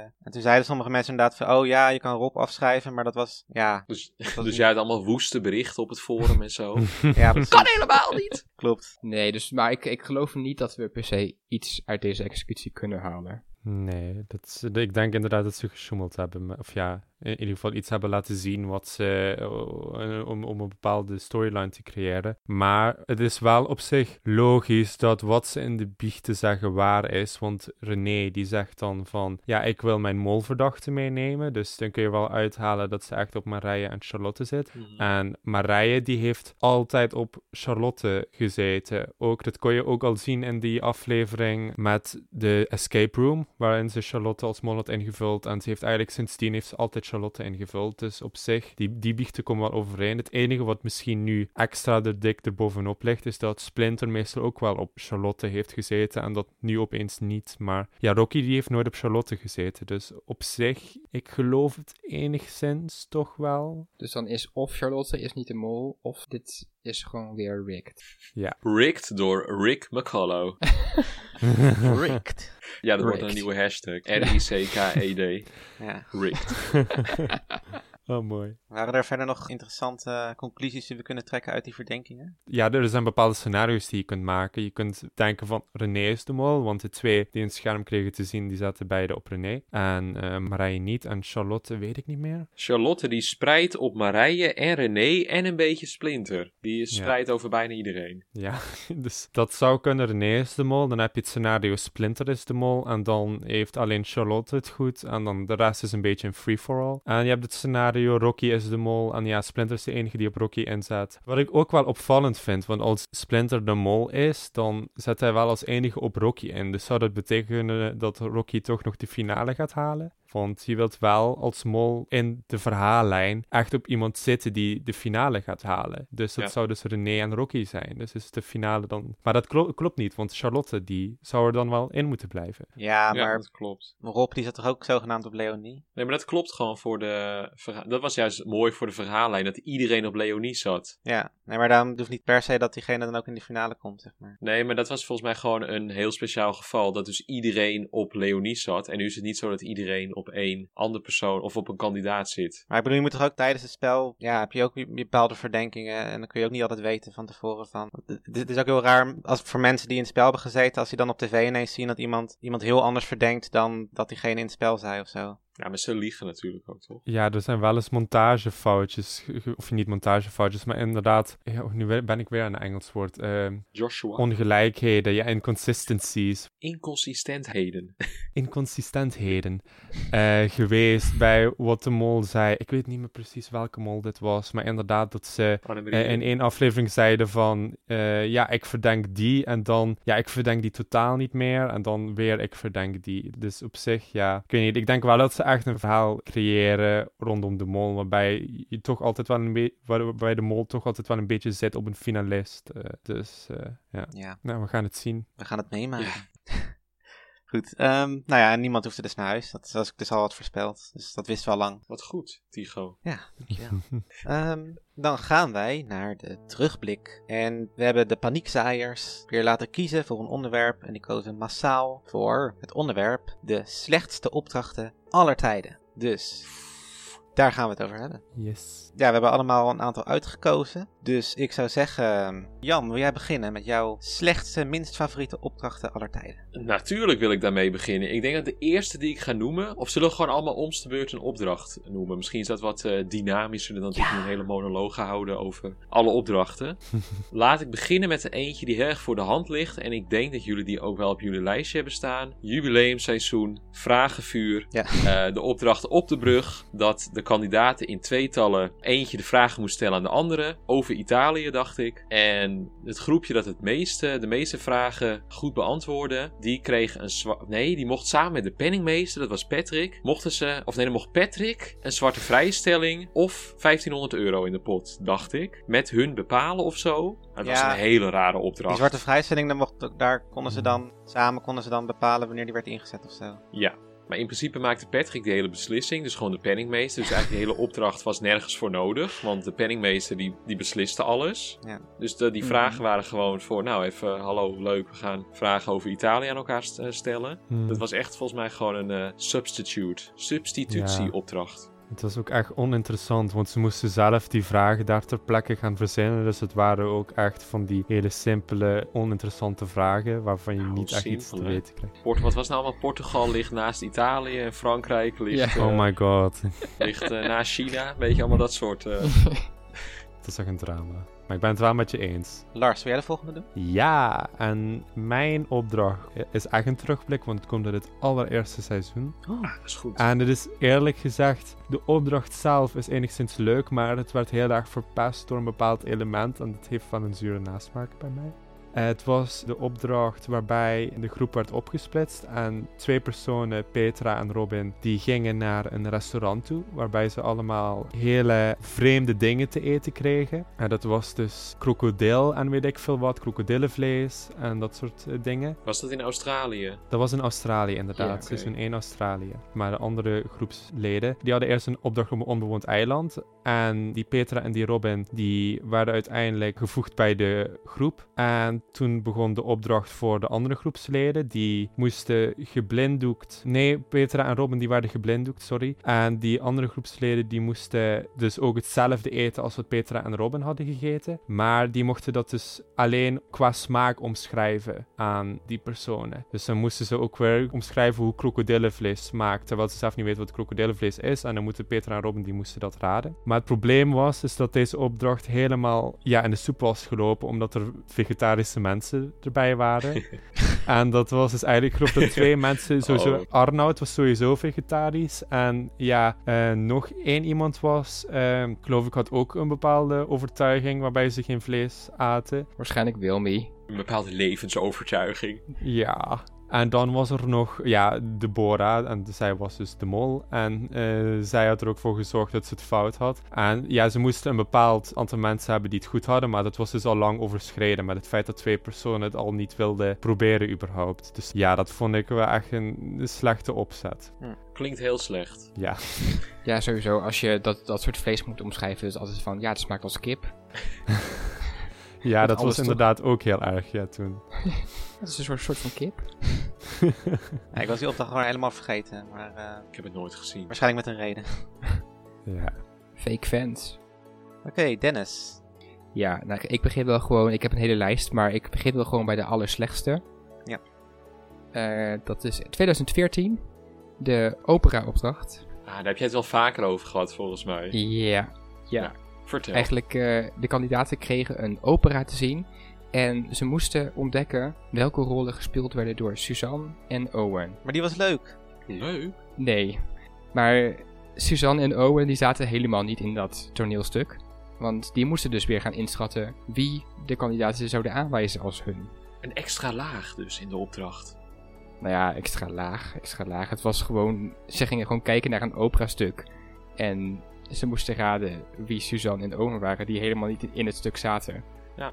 En niemand snapte de opdracht verder. Dus het was ook gewoon een soort van, eh, what just happened. Ja, maar het was wel een leuk toneelstuk. ja, dat wel. Eh, ja, Het is heel cultureel. I guess. Ja, precies. Het was een Kantonese opera, dus ja. Ja, dat was ook alleen maar volgens mij om de cultuur erin te gooien van, eh, nou ja, Kantonees opera, leuk. Eigenlijk alleen maar die reacties van Jennifer en zo wel leuk.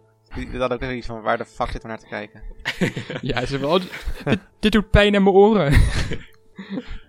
dus dat vond ik wel echt, echt een van de slechtste opdrachten ooit. Oké. Nou ja, dan wil ik graag eventjes naar 2012. Oh, oké. En dan ga ik naar aflevering 3, opdracht 3, De Toren. Prachtige titel. Ja, dat- ik weet niet of dat de officiële titel is hoor, maar... Ik Denk het wel, toch? Sorry, maar vertel maar, want eh, Is dat die met de jokers? Ehm, nee, dat is eh, daarna, volgens mij. Oh, en die heb ik ook opgeschreven. Want in ieder geval moeten Maarten van der Weijden en eh, volgens mij Marit, die moeten dan op een toren staan en dan moeten ze dan vragen beantwoorden. En ondertussen krijgt de rest een rondleiding door Reykjavik, door een, een, een SM-mevrouw. Oh, maar die was echt leuk met die mevrouw. ja, het was wel leuk, maar gewoon de opdracht zelf, ja, het was een beetje, het sloeg helemaal nergens op. En toen op een gegeven moment kwamen ze bij die toren en toen, ja, mochten zij dus niet de toren in en ehm, ja, nou ja, dat was het. Nee, want Maarten en Marit moesten dan roepen van, ja, jullie mogen niet de toren in. En toen, nou ja, liepen ze dus niet de toren in. topopdracht. Ja, maar volgens mij was die opdracht ook echt last minute bedacht of zo, omdat ze er iets anders niet door kon gaan. ja, Marokko kon niet doorgaan. Ja, precies. Klopt, dat ook nog eens. dus daarom was het hele seizoen ook een beetje rommelig, maar eh, ja, nee, dat was eh, de eerste van mijn lijstje. Dus dan gaan we weer naar Jan. Ja, de tweede opdracht die ik op mijn lijstje heb staan is uit seizoen 20. En seizoen 20 in China stond ik wel een beetje bekend om de opdrachten die niet echt te halen waren. Het is vaak voorgekomen, daar pronkte Rob ook nog mee van ja, geen één opdracht hebben ze het volledige bedrag verdiend. De- Mm, dus ja, dat, dat zegt niet per se iets over hoe goed hij als mol was, maar dat zegt misschien meer wat over de opdrachten zelf. Eh, maar ik heb dan kleurrijk uit aflevering 7. Oh ja. Toen werd Buddy aangewezen als een soort van de boekhouder of zo. En anderen moesten allemaal met eh, portofoons in een een of andere fabriekshal of zo was het. En daar reden allemaal autootjes voorbij met kleuren. En dan moest volgens mij, moesten zij dat doorgeven aan Buddy. En die moest dan bijhouden hoeveel auto's van elke kleur of zo er waren. Ik weet ook niet precies meer, maar dat was volgens mij een beetje de bedoeling van de opdracht. Maar het was gewoon niet te doen. Het was zo chaotisch, zo onduidelijk. Ik bedoel, ook al had je je best willen doen, deze opdracht was gewoon niet te halen. Ik zie dat Lars een beetje moeilijk kijkt. Eh, denk je dat... Oh, je bent met me... Ik dacht dat je het niet met me eens was. Nee, ik ben het met je eens. Oh, oké. Dus dit was, oh, dit was dan een uitdrukking van wat een rotopdracht. Oké. Ja. Maar er waren inderdaad wel meer opdrachten dat seizoen die onhaalbaar waren. Toch? Je had ook met die hovercraft. Dat was volgens mij ook onhaalbaar. Oh ja, die haltes, ja.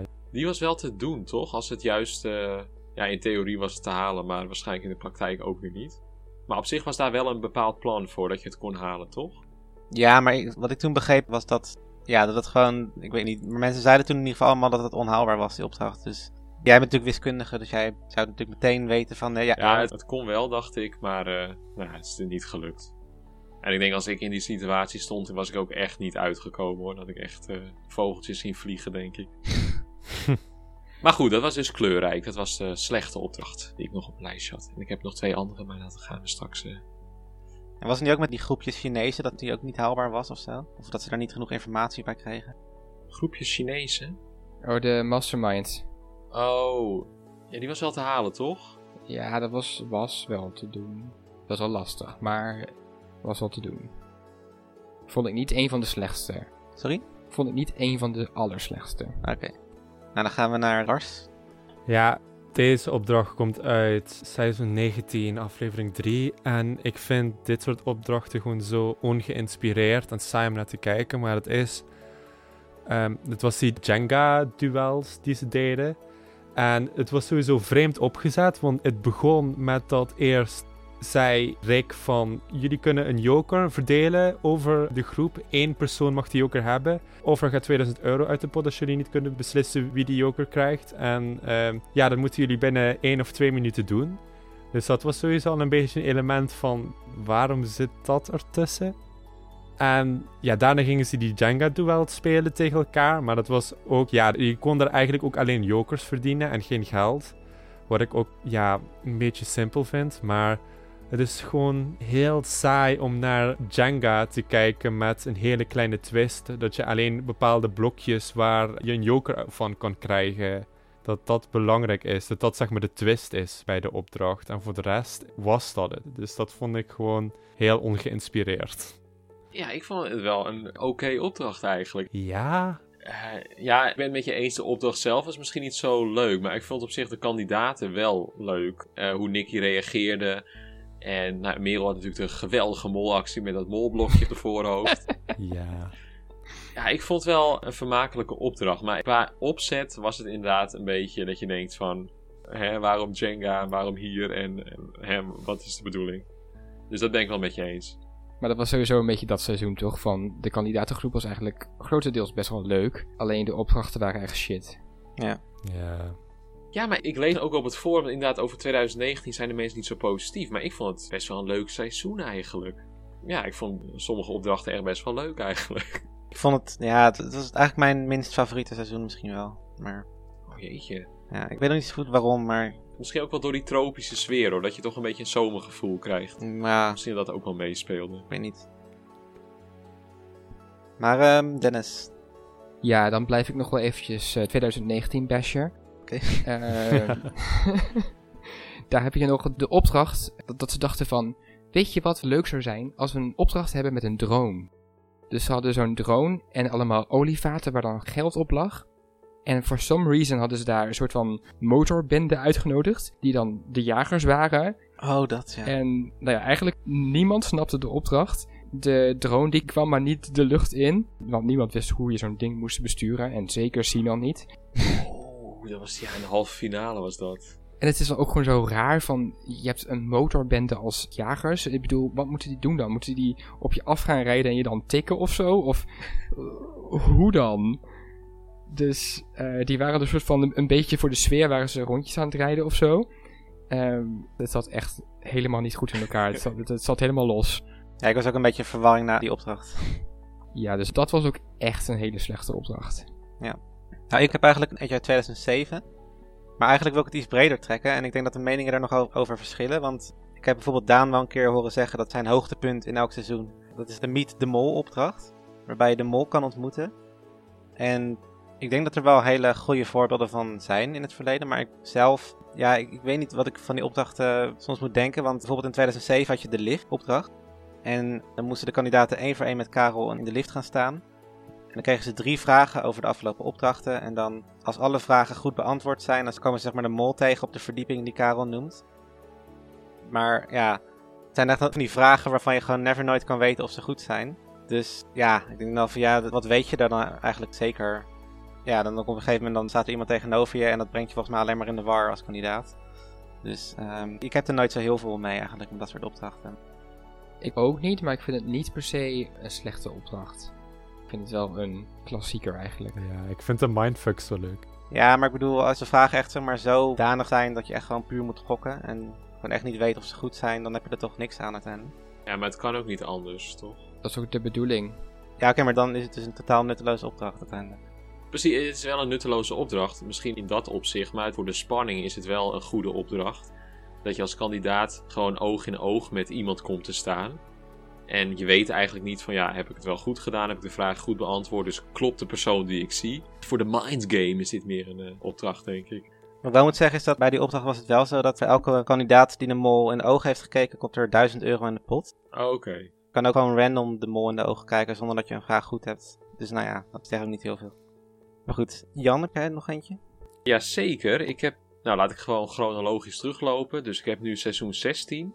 Dat was Macht over de test. Ik moet bekennen, die was ik zelf totaal vergeten. Maar ik keek even op het wieisdemol.com, eh, de website waar alle opdrachten staan. Deze opdracht kreeg van de bezoekers en de leden gemiddeld een 4,5. Dus hij is niet echt gewaardeerd. Dus ik dacht, nou, ik moet hem even op mijn lijstje zetten dan. Dus dit is niet echt persoonlijk iets van mij. Maar meer, ik dacht van, dat moeten we wel echt noemen als misschien een van de slechtste opdrachten ooit. Wat het idee was van die opdracht, was dat ze de test moesten gaan maken. Het was in aflevering 3. Toen ging Remy er trouwens uit. En toen moesten ze ook een bot doen. En het ene hoogste bot zou dan vijf vragen uit de test kunnen kiezen die dan niet meetellen in het testresultaat voor iedereen. Dus de- degene die dan dus het ene hoogste bot heeft gedaan, die kan dus vragen waar hij onzeker over is, kan hij zeggen oké, die tellen niet mee. Dus eigenlijk bestond de test dan maar uit 15 vragen. En er zat iets van 4000 euro in de pot. En ik weet niet precies hoeveel er geboden is. Dat heb ik, ik heb het filmpje even niet afgekeken, omdat ik nogal in tijdnood zat voor deze opname. Ja, volgens mij had Tim Hofman zo'n heel raar bedrag geboden van 1, 2, 3, 4. Oh, nee, dat zou goed kunnen. Maar ja, het punt van deze opdracht is heel willekeurig. Van oké, we gaan nu de test maken. En oké, oh, er gaat opeens geld uit de pot. En tenzij iedereen 0 euro biedt en alleen de mol dan eh, misschien veel. Maar ja, het is gewoon echt een heel raar moment om opeens geld uit de pot te spelen. En het was ook niet echt een opdracht of zo, het was meer een tussenmomentje. Dus eh, herinneren jullie je die opdracht nog en wat vonden jullie ervan? Ik had hem ook op mijn lijstje staan, maar ik herinnerde hem mij eigenlijk ook niet. Ik ook niet. Maar je hebt hem wel op je lijstje staan. Ja, Oh, maar je had hem op je lijst staan nadat je het gelezen had van deze opdracht bestond. ja, Ja, oké. ik heb ook onderzoek gedaan, hè. Ja, precies. Heel goed. We zijn onderzoeksjournalisten natuurlijk. Ja, zeer serieuze Ja. eh, Ja. onderzoeksjournalisten. Eh, Lars, over to you. Ja, ik had eigenlijk twee opdrachten uitgekozen, omdat ik dacht van, dat zal genoeg zijn, als we allemaal acht opdrachten gingen doen. Oh, oké. Jij bent echt zo van een 6 is voldoende of een 5,5 is voldoende. De zesjescultuur. Nou, ik dacht, het gaat lang duren als we, Ja, al- als we allemaal drie opdrachten doen of zo. Ja, heel goed. Nou, ik heb er nog wel eentje uit eh, 2017. Dan moest maar ik mag eerst. Sorry? Ja, maar ik wil. Oh ja, wacht, sorry. Ja, Dennis. Word ik nu gewoon de Marije van de podcast? De Lakshmi van... eh, nee, ja. nou, dan ga ik snel eventjes drie opdrachten bij elkaar pakken. Oh, Zo, zoveel. valspeler. Dat zijn allemaal openingen namelijk. Dus de opening van 2010 en 2020 bijvoorbeeld. Waarbij je eigenlijk met hetzelfde gevoel achterblijft. Het waren natuurlijk een soort van mijlpalen. Dus het tiende en het twintigste seizoen. En dan moet je dan natuurlijk een grootste opening hebben. En bij beide opdrachten viel het eigenlijk heel erg tegen. Bij 2020 was er gewoon heel veel bombarie en heel veel van alles en nog wat. En dat was de opdracht zelf was eigenlijk niets. Of het viel in ieder geval heel erg tegen. En bij 2010 hadden ze dan wel zeg maar allemaal leuke elementen en zo. Maar echt niemand snapte iets van die opdracht. En nog steeds niet. Volgens mij snappen mensen nog steeds de opdracht niet. Nou, wat moesten ze doen dan? Ja, geen idee. Leuk! Ja, er stonden een paar mensen op een brug en een paar mensen op een boot en een paar mensen op een dak volgens mij. Toen uiteindelijk werd eh, Manuel van der Bos Oh. vergiftigd volgens Jan. nee, dat was, was in aflevering 3 of zo. Ah, oké. ja. Maar was dat toen met Loretta, dat die helemaal ook de weg kwijt was? Ja. Ja, maar die stond op een paal. Dus die kon niet de weg kwijt zijn, toch? Nee, maar die stond echt zo van, oh, die was dronken of zo. Ik weet niet wat er mee aan de hand was. Ja, dus dat was zeg maar, dat waren twee openingen waarvan je dacht van, oké, heel veel bombarie, maar niemand weet wat er aan de hand is. Ja. En daar wil ik dan de opening van 2012 nog even bij pakken. Voornamelijk omdat de kandidaten zelf zoiets hadden van, ehm, was dit de opdracht?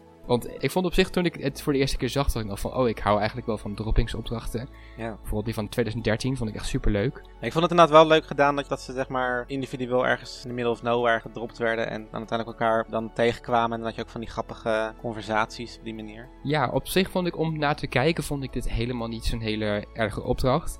Maar ik vond het gewoon heel erg grappig dat ook aan het einde van de opdracht dat eigenlijk de kandidaten zelf zoiets hadden van... Ja, jezus, was dit nou de opdracht? Die waren echt gewoon teleurgesteld hierin. Ja, ja.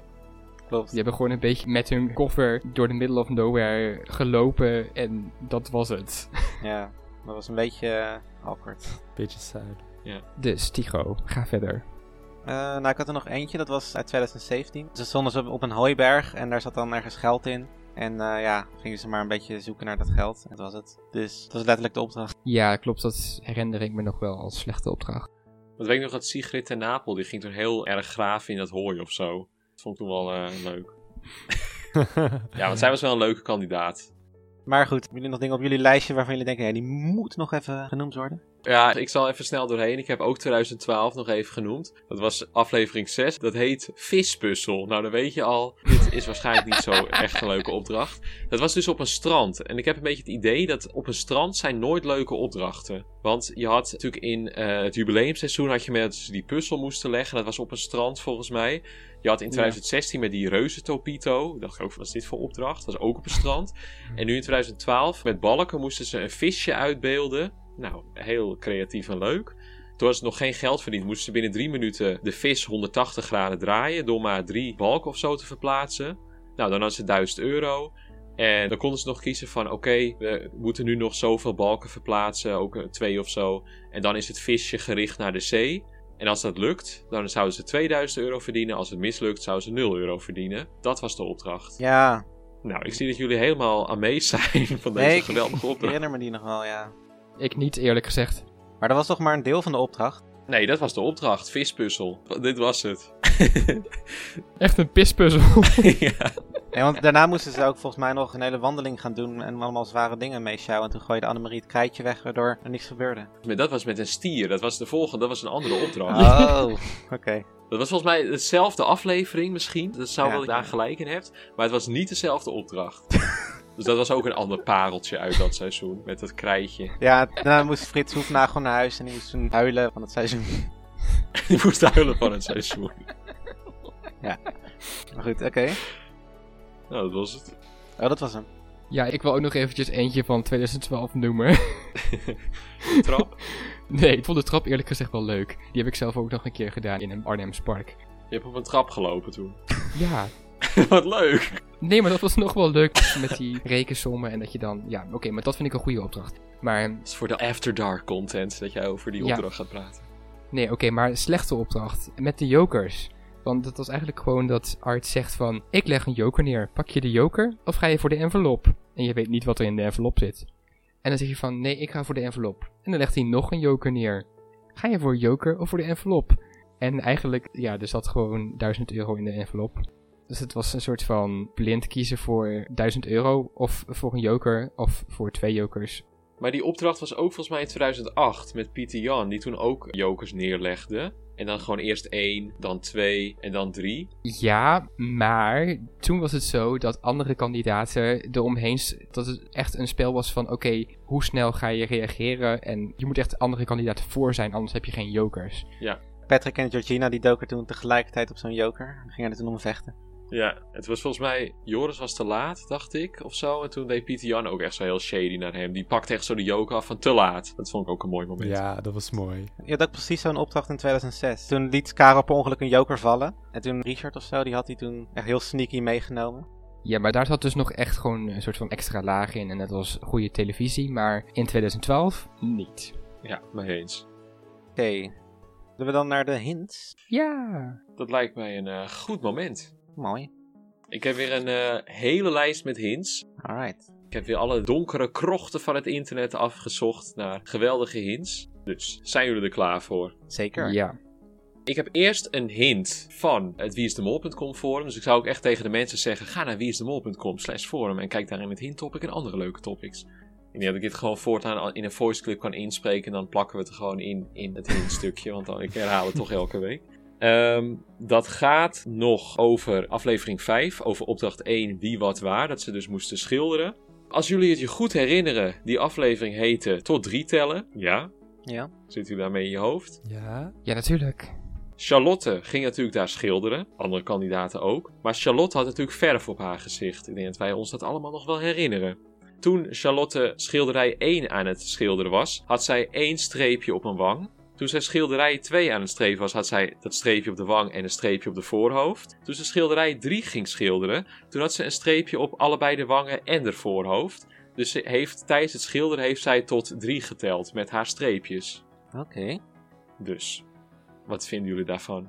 Maar was dat Charlotte of was dat niet gewoon Joshua die met zijn kwast eh, in haar gezicht ging? Ja, dat zou heel goed kunnen, maar de afleveringstitel is natuurlijk pas tijdens de montage bedacht. Maar dan heeft Joshua dus drie keer die kwast van haar afgepakt en iets op haar gezicht getekend en dan weer teruggegeven. Oh nee, want Joshua had zelf ook wel reepjes op zijn... eh, Ja, ze hebben waarschijnlijk daar een beetje een romantisch spelletje gehad. Van, oh, ik ga je beschilderen. Weet je, dat soort dingen.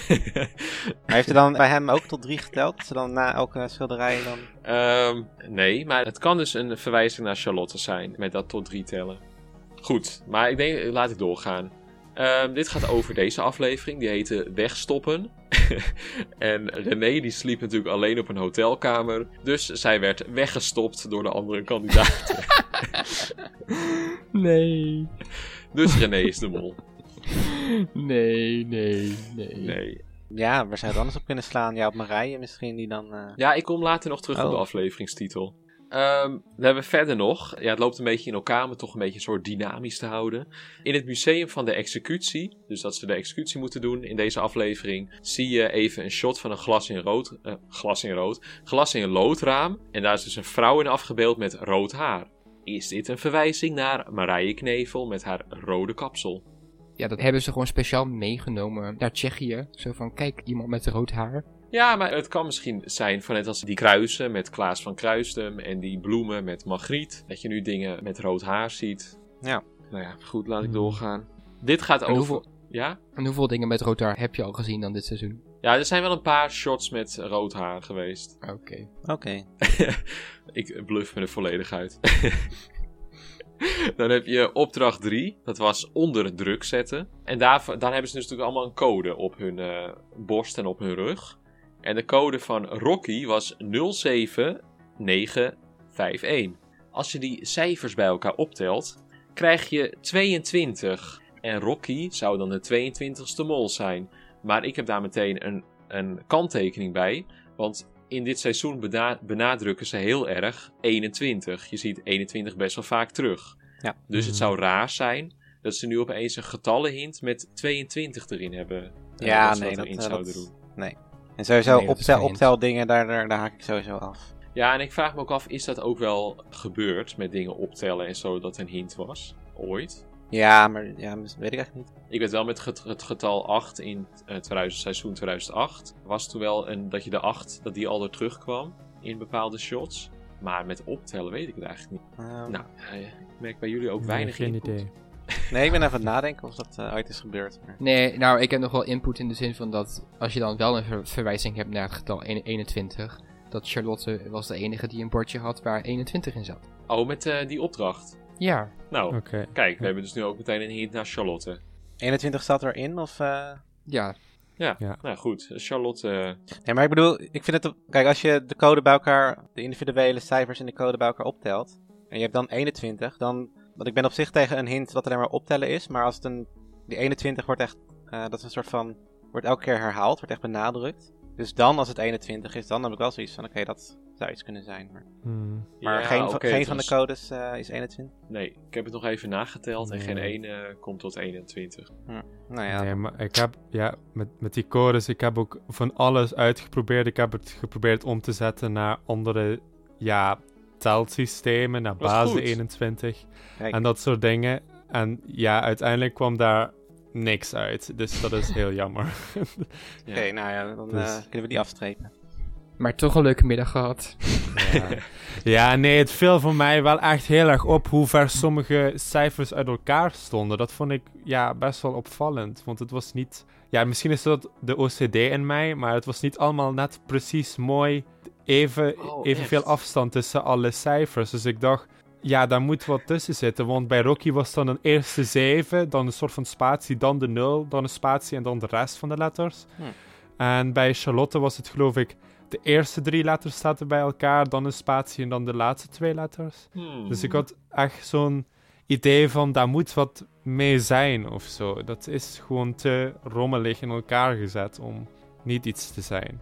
Maar het kan ook gewoon mijn enorme drang naar symmetrie zijn. Ja, heb je daar wel veel last van? Eh, ja, nou in dit geval eh, kriebelde me toch wel een beetje. Je Ja. zat uh, schuimbekkend op de banken. Ja. ik zat helemaal naar de tv te schreeuwen en de productie te vervloeken en boos te twitteren en zo. Ja. goed, maar misschien dat daar dus nog wat uit gaat komen. Uit eh, inderdaad dat die cijfers niet helemaal goed symmetrisch op het bordje stonden. Wie Misschien. weet. Maar dan hebben wij het hier even behandeld. Ja. Verder, ja, oh, dat was het einde van opdracht 1, brievenbus. Op het einde staat Rick dan met een paraplu, want het regent. En hij staat ook een beetje zo in elkaar, ge, ge- hoe zeg je dat? In elkaar gehurkt. In elkaar gehurkt, nee, in elkaar. Nou, in ieder geval, hij staat een beetje gewoon met zijn schouders omhoog. En een beetje zo van, het koud. Ja, nee, ik weet niet, ik weet niet wat de juiste term is. Eh, maar hij staat dus naast een verkiezings... Of een bord met verkiezingsposters. Dus waarschijnlijk was er in die tijd... waren de verkiezingen in Tsjechië. Dus, zei iemand... verwijst dat naar Charlotte. Want zij is politiek journaliste of politiek verslaggever. Maar toen dacht ik over... Ja, dat kan, kan ook naar Splinter verwijzen. Want die Ja. was natuurlijk voorzitter van de JOVD. Precies. Tot vorig jaar, dacht ik. Dus ja... Nou, Ja. hebben jullie daar nog eh, inbreng in? Nee. Nee. Nee, een hint die naar twee personen verwijst is altijd een beetje, ja... Kijk, ik zou het, Hmm. ik zou het nog eer- eerder naar Splinter zien verwijzen dan... eh, maar... Ja, nee, dat ja. niet. Dat, nee, dat vind ik toch wel echt Charlotte. Dat vind ik dan Oh. duidelijker. Oh, ik vond het echt meer. Maar ik bedoel... Nee, Ja. Charlotte is toch echt een politiek verslaggeefster. Ja... Ja, maar oké. oké, nee. Splinter is niet meer lid van, eh, niet meer voorzitter van de JOVD. Klopt, ja. Dus dan, Ja, maar ja, ja, weet je wel. Ik weet niet wat die andere nog doet. Oh ja, hij is natuurlijk schrijven. Ook. Even kijken hoor. En Oh, dit, mol. dit heb ik nog, dit heb ik al eh, even ge- nagehint. Ik had, wat is er? Mol. Hij zei mol. Dat, dat, dat is wat hij doet.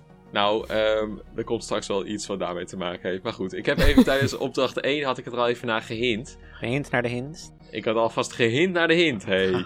Ehm, bij halte 9, daar stapt René uit. Halte 9.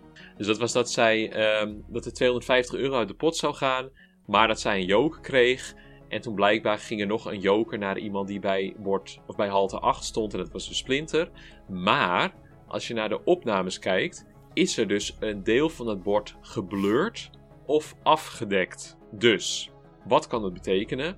Dat kan betekenen, ik beantwoord meteen mijn eigen vraag. Dat kan betekenen dat René daar een dikke molactie heeft uitgevoerd, maar dat wij die nog even nog niet mogen zien. Dus dat het in de montage geblurred is of afgedekt. Of het betekent dat ze gewoon tijdens de opdracht of net voor de opdracht de productie even nog iets veranderd heeft aan de borden. En dat ze gewoon even iets hebben afgeplakt van ah, dit geldt niet meer. eh, dit, dit, dit klopt niet wat nu op het bord staat, dus we plakken dat even af. Of zat eh, iets... Dus. een of ander vies woord opgeschreven of zo, dat dan geblurred werd. Ja, maar ik, ik vraag me ook af, zijn die haltes niet, eh, staat er altijd niet een cameraman bij of eh, wat mensen die het in de gaten houden? Eh, Leuke baan. Wat zeg je? Leuke baan. nou ja, je verdient wel makkelijk je geld zo, toch? Lekker, in de kou bij een bordje staan in, Ja. in, in, in Tsjechië. In de regen ook nog, ja. maar je bedoelt dat er bij elke halte gewoon een cameraman staat, die dan voor die opdracht, zeg maar. Hmm. Ja, waarom niet? Ja, dat zou kunnen. maar die cameraman Ja, kan ook eh, gewoon meereizen. Ze, ze hebben toch, toch genoeg budget. Nou ja, misschien is er wel zo Ja. dat inderdaad nog een auto achteraan rijdt of voor hun uitrijdt met cameramensen en dat die dan iets eerder uitstappen en dan daar gaan filmen, zodat als de kandidaat uitstapt of als de bus stopt, dat ze dan alvast die beelden hebben. Dat Ja, kan natuurlijk ook. Dat lijkt mij logischer. Ja, ja, want anders dan heb je natuurlijk sowieso negen cameramensen nodig, dan één bij elke halte. Eigenlijk tien. En, en allemaal met een eigen auto. Ja, dat ook nog. Of dat je ze hebt, eh, of, of dat je ze hebt gedropt van tevoren. Maar dat lijkt me ook. Ja, het is allemaal gedoe. Maar oké, we hebben het dus nu allemaal over die cameramensen. Maar wat vinden Ja. jullie van, dat, van dat, dat er iets is afgedekt op dat, op dat, op dat bord in die halte? Maar dit is het bord bij halte 9, dus het latere. Ja. Oké. Wat moest René daar ook alweer doen? Nou, dat, eh, die moest... eh, die, ging Min 200 250 euro eh, ontvangen en een joker. En dan ging ook nog een joker naar Splinter. Ja, maar dan moest ze ook haar Oké. namen opschrijven, toch? Die namen. Nee, dat was... Nee, dat eh, was eerder. Dat was eerder. Nee. Oh, oké. Oké. Dat was bord 5. Nee, niet. Nou wel, weet ik. Mm. Nou goed. Hm. Maar is er dan iets in de eindstand waar, waaruit blijkt van er, er moet nog ergens anders gemold zijn? Of klopte dat gewoon? ja, dat Want klopt ik weet gewoon. niet- ja, dan weet ik niet. Dan zal het wel niks zijn. Want ik weet niet wat ze dan nog zou moeten mollen. Ja. Ja, goed punt. ja, ze doen wel vaker volgens mij dat ze dan random die dingen gaan blurren of van bepaalde uitspraken gaan muten. Allemaal censuur. Ja, Ja, want dat was nog in het jubileumseizoen, ja, dat eh, Ron Boshart een paar keer gemute werd.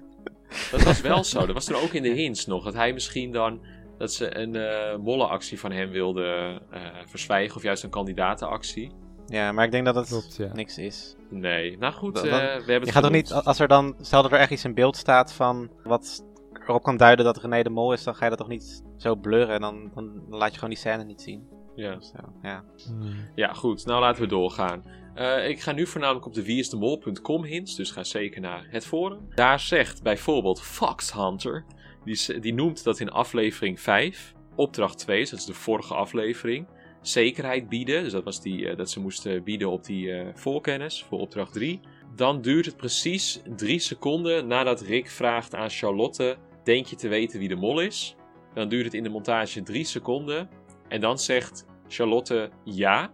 Wat wij vorige week ook besproken hebben, dat ik, toen heb ik ook gezegd dat vind ik raar. Want Charlotte spreidt in de test over drie mensen. Maar dan zegt ze in opdracht 2 dat ze weet wie de mol is. Dat was raar. Dus het zou misschien dat dit dan een hint zou kunnen zijn. Dat zij dus tot drie geteld heeft, wat ook de afleveringstitel was. En ik in het Tsjechisch is ja. Dus het, het, het idee is dus dat Rick vraagt: Weet je wie de mol is? Charlotte wacht drie seconden en zegt dan: Ik. ja, dat vind ik nou wel een goede, een goede hint. Ja, mee eens. Dat, dat zou zomaar eens eh, kunnen. En ze blijkt ook vaker ja te zeggen. Maar goed, dat is natuurlijk niet echt een hint, denk ik. Eh, Oh, echt? maar ik vind, het, ik vind het wel een mooie. Ik vind het een Ja. beetje van is ego de mol-achtig. Ja. Nou, niet helemaal op dat niveau, maar wel een beetje zoiets. Met een, dat de mol iets zegt. Ja. Dat Dennis, want Dennis zei ook in seizoen 8 heel vaak yo. Als hij de, de telefoon opnam en zo. En dat was dus het Spaanse ik. Dat was ook zo'n verwijzing. Ja, ik, eh, Ja. En dat was toen de officiële hint. Ja, ik zie dat Dennis echt zo kijkt van wat, wat kraam jij nou weer uit? Maar dat was echt zo. Oké. Oké, maar eh, oké, hebben we daar verder niet, zijn jullie niet helemaal flabbergasted van wauw, jeetje, Charlotte, wel, ik ik- ga nu allemaal punten op Charlotte zetten. ik weet het nu wel wie mijn mol is, dankzij deze hint. Nou, kijk, perfect. Ja. Ik Verder wens nog, je veel succes. Verder nog hebben we nog Anne Beesje. Anne Beesje noemt dat de biedingen, dus dit gaat ook weer over opdracht 2 van aflevering 5, de biedingen van de Pipo's, dus dat waren dus René, Joshua en Splinter, waren bij elkaar opgeteld 2100 euro. Want ze hadden dus 500, 600 en 1000 euro geboden. 2100, daar zit weer die 21 in. Zou dat kunnen verwijzen naar Splinter die 600 euro heeft geboden, wat misschien een beetje een vreemd bedrag is, maar dat hij dat geboden heeft om die 2100 ervan te maken? Of verwijst het naar René, die als laatste in de montage van die drie 1000 euro bood? ja, maar ik weet eigenlijk niet, want we hadden natuurlijk een volgorde met dat zonlicht. Ik weet eigenlijk niet meer of dat nu Ja. dan, dan klopt. Dat was Ja, René Splinter. was als laatste, maar niet in de montage. Eh, in de montage, Ja. montage was Splinter het laatst, maar in de echte Oh. volgorde, als er de mol niet nog een keer daar zou zijn geweest, was René het laatst. Ja. Ja, nou, ik eh, zou zeggen, laten we lekker skippen. Er zijn verder nog dikke uitgebreide hints van bijvoorbeeld Miss Molly. Dus ik ga zeker zeggen, ga even kijken. Dan hebben we natuurlijk nog weer een pareltje van onze grote vriend Blip. Niet onze BFF, want dat is Danique, maar onze grote vriend Blip. Oké, Ehm, Dennis, jij moet het even, even nu inzingen dat, want dat wordt nu gewoon een rubriek. Wat? Het pareltje van Blip. ja. Oh, ja. Pareltje van Blip. Want, oké, dus elke aflevering begint natuurlijk met een terugblik voor de vorige aflevering. In deze aflevering zagen we natuurlijk een terugblik, zagen we ook in de trein, dat ze dus dat bedrag afliep op die klok bij opdracht 3. Of op die eh, tablet liep het bedrag af en dan moesten ze het aftikken en dan hadden ze het geld verdiend. Ehm, dan zien we in het, in het shot van de terugblik, zien we dat hij op 1650 euro staat. Als je nu in aflevering eh 5 naar minuut 16 gaat en seconde 50, wie is er dan vol in beeld? Charlotte Nijs. Weet je, wat veel eh, hints naar Charlotte. Ja, dat valt mij nu ook op. Dus het kan alleen maar betekenen dat Charlotte de Mol is, denk ik. Toch? Nou, ze wordt ook het meest verdacht, dus waarschijnlijk zijn er ook ja, mensen die het meest... nou, of zijn er meer mensen die hints naar Charlotte toezoeken. ja, maar dat is een hele logische verklaring, Lars. En daar doen wij hier niet aan. dus eh, dit, dit is bewijs voor dat Charlotte de Mol is. Oké. Goed, dan heb ik, nog, heb ik nu even in grote kapitale letters geschreven Danique. Eh, ik heb haar, ik, want zij heeft nog een geweldige. Ik heb natuurlijk, ja, oké, dit gaat helemaal door elkaar. Vorige week had ik natuurlijk gezegd van dat op het wieisdemol.com forum had Danique geschreven dat haar hint in Trust Nobody behandeld werd. En toen had ik een, hele, een heel emotioneel betoog van Danique, zeg alsjeblieft ook even van dat eh, je hints allemaal bij ons behandeld worden. En toen dachten we, misschien, ja, misschien is het wel niet de onze Danique, onze BFF Danique. Maar ze heeft ons dus weer een berichtje gestuurd. En daarin zegt zij dus dat zij het wel was. Maar eigenlijk ziet ze daar geen probleem in. Dus ik denk dat we dat. ik, denk, ik denk dat we het gewoon ehm daarbij bij moeten laten. Ehm zij is. Ja. Ja, Eh, we willen onze BFF eh Danique niet kwijt natuurlijk. Die, eh, Ja, ik, ik had toch een beetje het idee van wij noemen nu haar onze BFF. Ik bedoel, dan heb je toch een speciale status.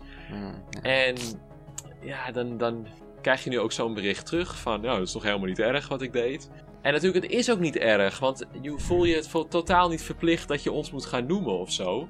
En wij hebben ook niet zulke grootheidswaanzin dat wij genoemd moeten gaan worden of zo. Maar ik dacht Jan toch, wel, maar wij niet. Ja, Eventjes voor de duidelijkheid. ik heb blijkbaar heb ik een hele grootheidswaanzin of Ik zo. ik denk dat jullie. Eh, dat jullie, dat jij en Danique even moeten praten. Even, Ja, want het gaat altijd indirect. Want ze praten eigenlijk tegen Dennis, volgens mij. En die vertelt het dan weer aan mij. Dus we hebben altijd indirect contact. ja, het is even een eh, privé eh, gesprekje.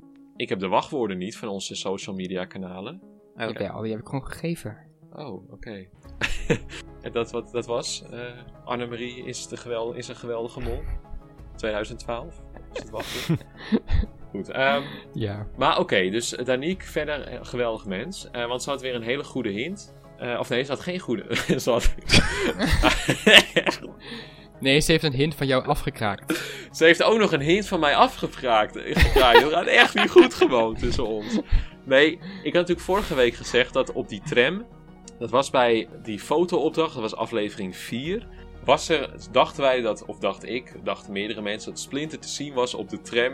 Die dan achter de mensen langs reed. Maar Danique heeft dus een, een shot gestuurd, een dronebeeld van die tram. En dan zie je gewoon echt een hele andere man. Die totaal niet op Splinter lijkt. Dus die hint is on- ontkracht door Danique. Dus daar heel erg bedankt daarvoor. En dan weten we in ieder geval. We ook aan de luisteraars weten dat als onze hints niet kloppen, dan komen we daar ook gewoon eerlijk voor uit. Ja. Dus dankjewel, Danique. en dat waren de hints. Nou, dankjewel Jan voor de hints. Ja, graag gedaan. Het ging echt, dat was echt helemaal, het ging Helemaal goed. top. Nou, dan gaan we Ja. snel naar de competitie. Dennis is even zijn Facebook Ja. aan het bijwerken. Dan gaan we langzaam aan naar de competitie. Welkom bij de competitie. Laten we als eerste gaan kijken naar de, de afvaller. Want deze aflevering was er niemand afgevallen. Maar volgende aflevering gaat er natuurlijk sowieso weer iemand uit. Dus ik ben benieuwd wie er gaat afvallen. Tycho. Ik ook. Ja, ik denk. Ik heb ge- totaal geen idee meer. Ik zeg maar gewoon wat. eh, Rocky. En Lars, wie denk jij? Marije. Marije. En Jan? Eh, René, want ze was een beetje indecisive, eh indecisief over Charlotte en Marije. En die zijn volgens mij niet de mol, dus René gaat eruit. Zo. Ja, ik heb hier eigenlijk zo, zo'n hele theorie bij. In de zin van dat, dat het logischer nu is dat René eruit gaat. Dus daar zet ik nu ook op in. Omdat dan Rocky ook helemaal in paniek kan zijn van... Oh, mijn mol is eruit. En, en dat als bijvoorbeeld Rocky er eerst uitgaat, dan ja, kan je René al afstrepen. Dus het is logischer dat René gaat. En bij, al- bij, bij de andere mensen is het ook zo van als Marije er bijvoorbeeld uitgaat, dan kan je gewoon Charlotte helemaal afstrepen. Want die zit vol op Charlotte. Hmm. Dus ik denk dat het logische is dat René gaat afvallen. Jammer genoeg. Ook al hoop ik dat ze een Oh, hele goede ja. ingeving heeft en op de goede mol uitkomt. Oh, dat is heel logisch. ja. Oké, dan gaan we door naar de verliezer. Jan. Charlotte, Charlotte. Waarom Charlotte? ik moest toch snel? Eh, Ja, sorry. nee, omdat, eh, dat, komt even, dat leg ik uit bij mijn winnaar. Oké. Lars. Ja, ik dacht eerst René, maar ik ga nu Rocky zeggen. Met jouw uitleg. Oh. oh, ja. Shit. Eh, Oké. Ik zeg Marije. En Tycho. Marije. Ja. Oké, dan gaan we door naar de winnaar. Zal ik zelf eens beginnen? Ik zet namelijk gewoon weer op Charlotte in. Eh, Jan. Ja, ik heb dus Rocky met dezelfde redenatie als jij. René gaat er waarschijnlijk, of ik denk dat René eruit gaat. Dus Rocky moet op zoek naar een andere mol. En dan kiest zij Splinter. En omdat Charlotte nu nog steeds een beetje is van ja, ze is aan het spreiden over drie mensen en zo. Dan denk ik eigenlijk dat Rocky juist een beetje haar plek dan zo wegswoopt. En dan de winnaar wordt. En daardoor heb ik Charlotte dus als verliezer. eh, verliezer. Oké. Lars. Eh, Charlotte. En Tycho. Ja, Charlotte, dat, eh, dat roep ik al het hele seizoen volgens mij. Dus, eh she's still ja, going never strong. change your winning team. Ja. Oké, nou gaan we naar de vraag van het programma. Wie is de mol? Ik ben heel benieuwd. Ja, ik, ik, ga, ik ga denk ik bij mezelf beginnen, omdat het het meest duidelijk is. Gezien ik de hele aflevering gewoon al nog steeds diep in de Splinter tunnel zit. Dus ik zeg dat het nog steeds Splinter is. En mij ga je er ook echt niet meer van afkrijgen, ook naar die, die, dat, die twee, dat hij 750 euro vindt en dan roept dat hij 250 vindt. Vind ik toch echt wel een grote aanwijzing dat hij het gewoon is. Ja, maar in de vooruitblik zie je dat Charlotte bij een krat staat en daar staat mol op. Oh Dus, ja. Charlotte is de mol. Oh, echt? Shit, even opnieuw beginnen. Nou, Ja. echt. nou, die, die hint zag ik niet aankomen. Dat had ik niet verwacht. Ja, nee, oké. Ehm, door. Ik ben benieuwd of Lars nog Ja, in zijn rok. wat zal dat worden? Mm, Ja, ik vind het jammer dat ik dit moet zeggen, maar eh, ik ga voor Splinter. Ja, maar dan krijgen we weer hetzelfde als vorig jaar. Dat we alle vier op dezelfde zitten. wie moet het dan zijn? Ik weet het ook niet meer. Totale splinterpaniek. Oh. Laat mij. Laat Want- mij. Jan, jij zit dan ook nog als Splinter? Ja, ik heb dus nou, ik zat tijdens de aflevering te denken, gisteravond.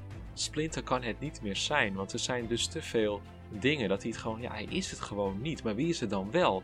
En nu tijdens deze podcast heb ik weer, ben ik weer helemaal in mijn, terug in mijn Splinter-tunnel geduwd. Want ik had dus eigenlijk als mol staan Splinter slash Marije. Alleen wat me dwars zat van Marije was dat met die foto's, dat ze dat toen zo goed deed en dat ze echt geld verdiende. Eh, maar ja, ik ga nu gewoon weer voor Splinter, want ja, dat is dan toch de meest voor de hand liggende keuze, denk ik. Oké, en Tycho? Ja, Ga jij ervoor zorgen dat we niet totale Splinterpaniek zijn? Of...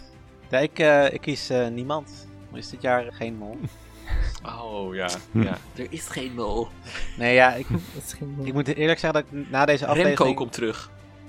na deze aflevering ben ik enorm gaan twijfelen. En eigenlijk, want ja, Dennis, jij zit in de tunnel, maar ik totaal niet. Ik zat eerst meer in de tunnel, maar nu heb ik echt zoiets van, het kan echt iedereen zijn. Ik vind eigenlijk van niemand echt logisch meer.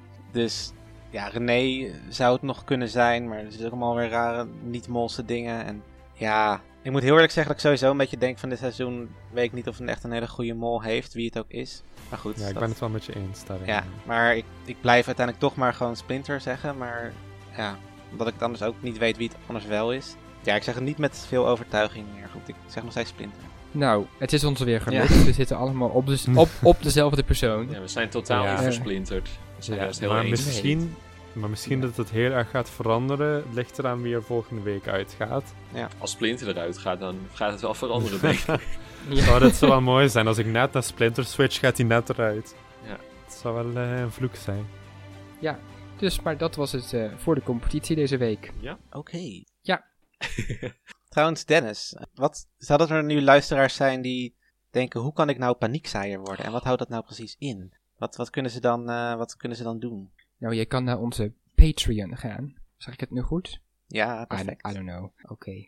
Nou, je kan dus daarheen gaan. En dan kan je voor 3 euro per maand of voor 6 euro per maand kan je je opgeven. En dan mag je bijvoorbeeld meedoen aan.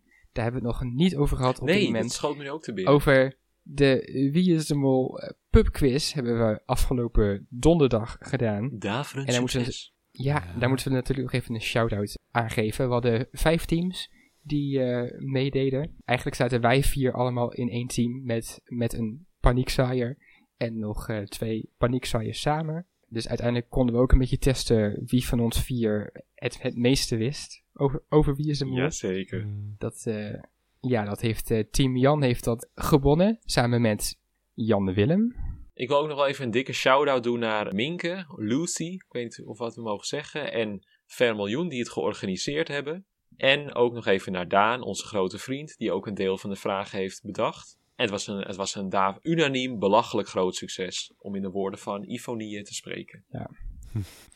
En ja, voor de complete ranking wil ik nog wel zeggen natuurlijk dat ik van ons vier tweede ben geworden. Het lag allemaal heel dicht bij elkaar sowieso. Het lag allemaal heel dicht bij Dat is echt elkaar. één punt verschil. Mijn eh, positie in de ranking is op zich niet belangrijk. Jij was laatste toch, Tigo? Of, eh? Ja, maar wat jullie niet wisten, dat, dat, dat is een, een twist. Dat- maar eigenlijk eh, was ik de mol. Nee. Oh. Ja, dus ik zat samen met, met, eh, met Meerte in een team en dat was hartstikke gezellig. Maar ja, ik, eh, ik, ik, ik heb het goed gedaan als mol, vind ik. Ja. Nee, dat, dat, Wie waren jullie teamgenoten? Even ik zat samen met Saskia. Saskia. Met Shady Saskia. En ik zat met Mitch. En wie, hadden we nog, wie deden er nog meer mee? Brent en Mr. Chippy. En die waren ook tweede, toch? Want Jullie waren toch gedeeld Ja, tweede?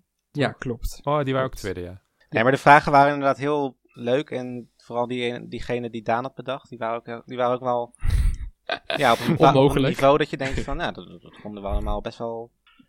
ja, Dat, dat konden we allemaal heel goed weten. Ja, Eh, dat ja. was echt oh, van hoeveel schermen er gezien waren in eh, seizoen 11, aflevering 6 Ja. of zo.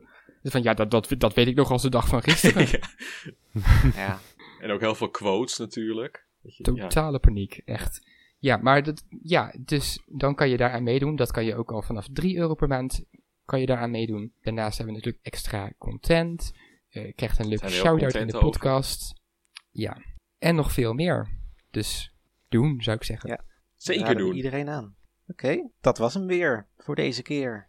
Dank jullie wel. Yes. Yes. En, Ja, ook eh, bedankt. En alle luisteraars natuurlijk bedankt. En volgende keer zien we grote Ed op een paard op een fiets. Gaan Splinter en René de was ophangen. En is het woordje met weer helemaal in. Tot volgende week.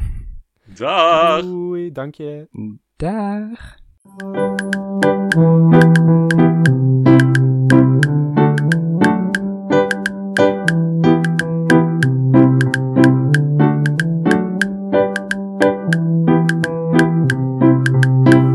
was a panic.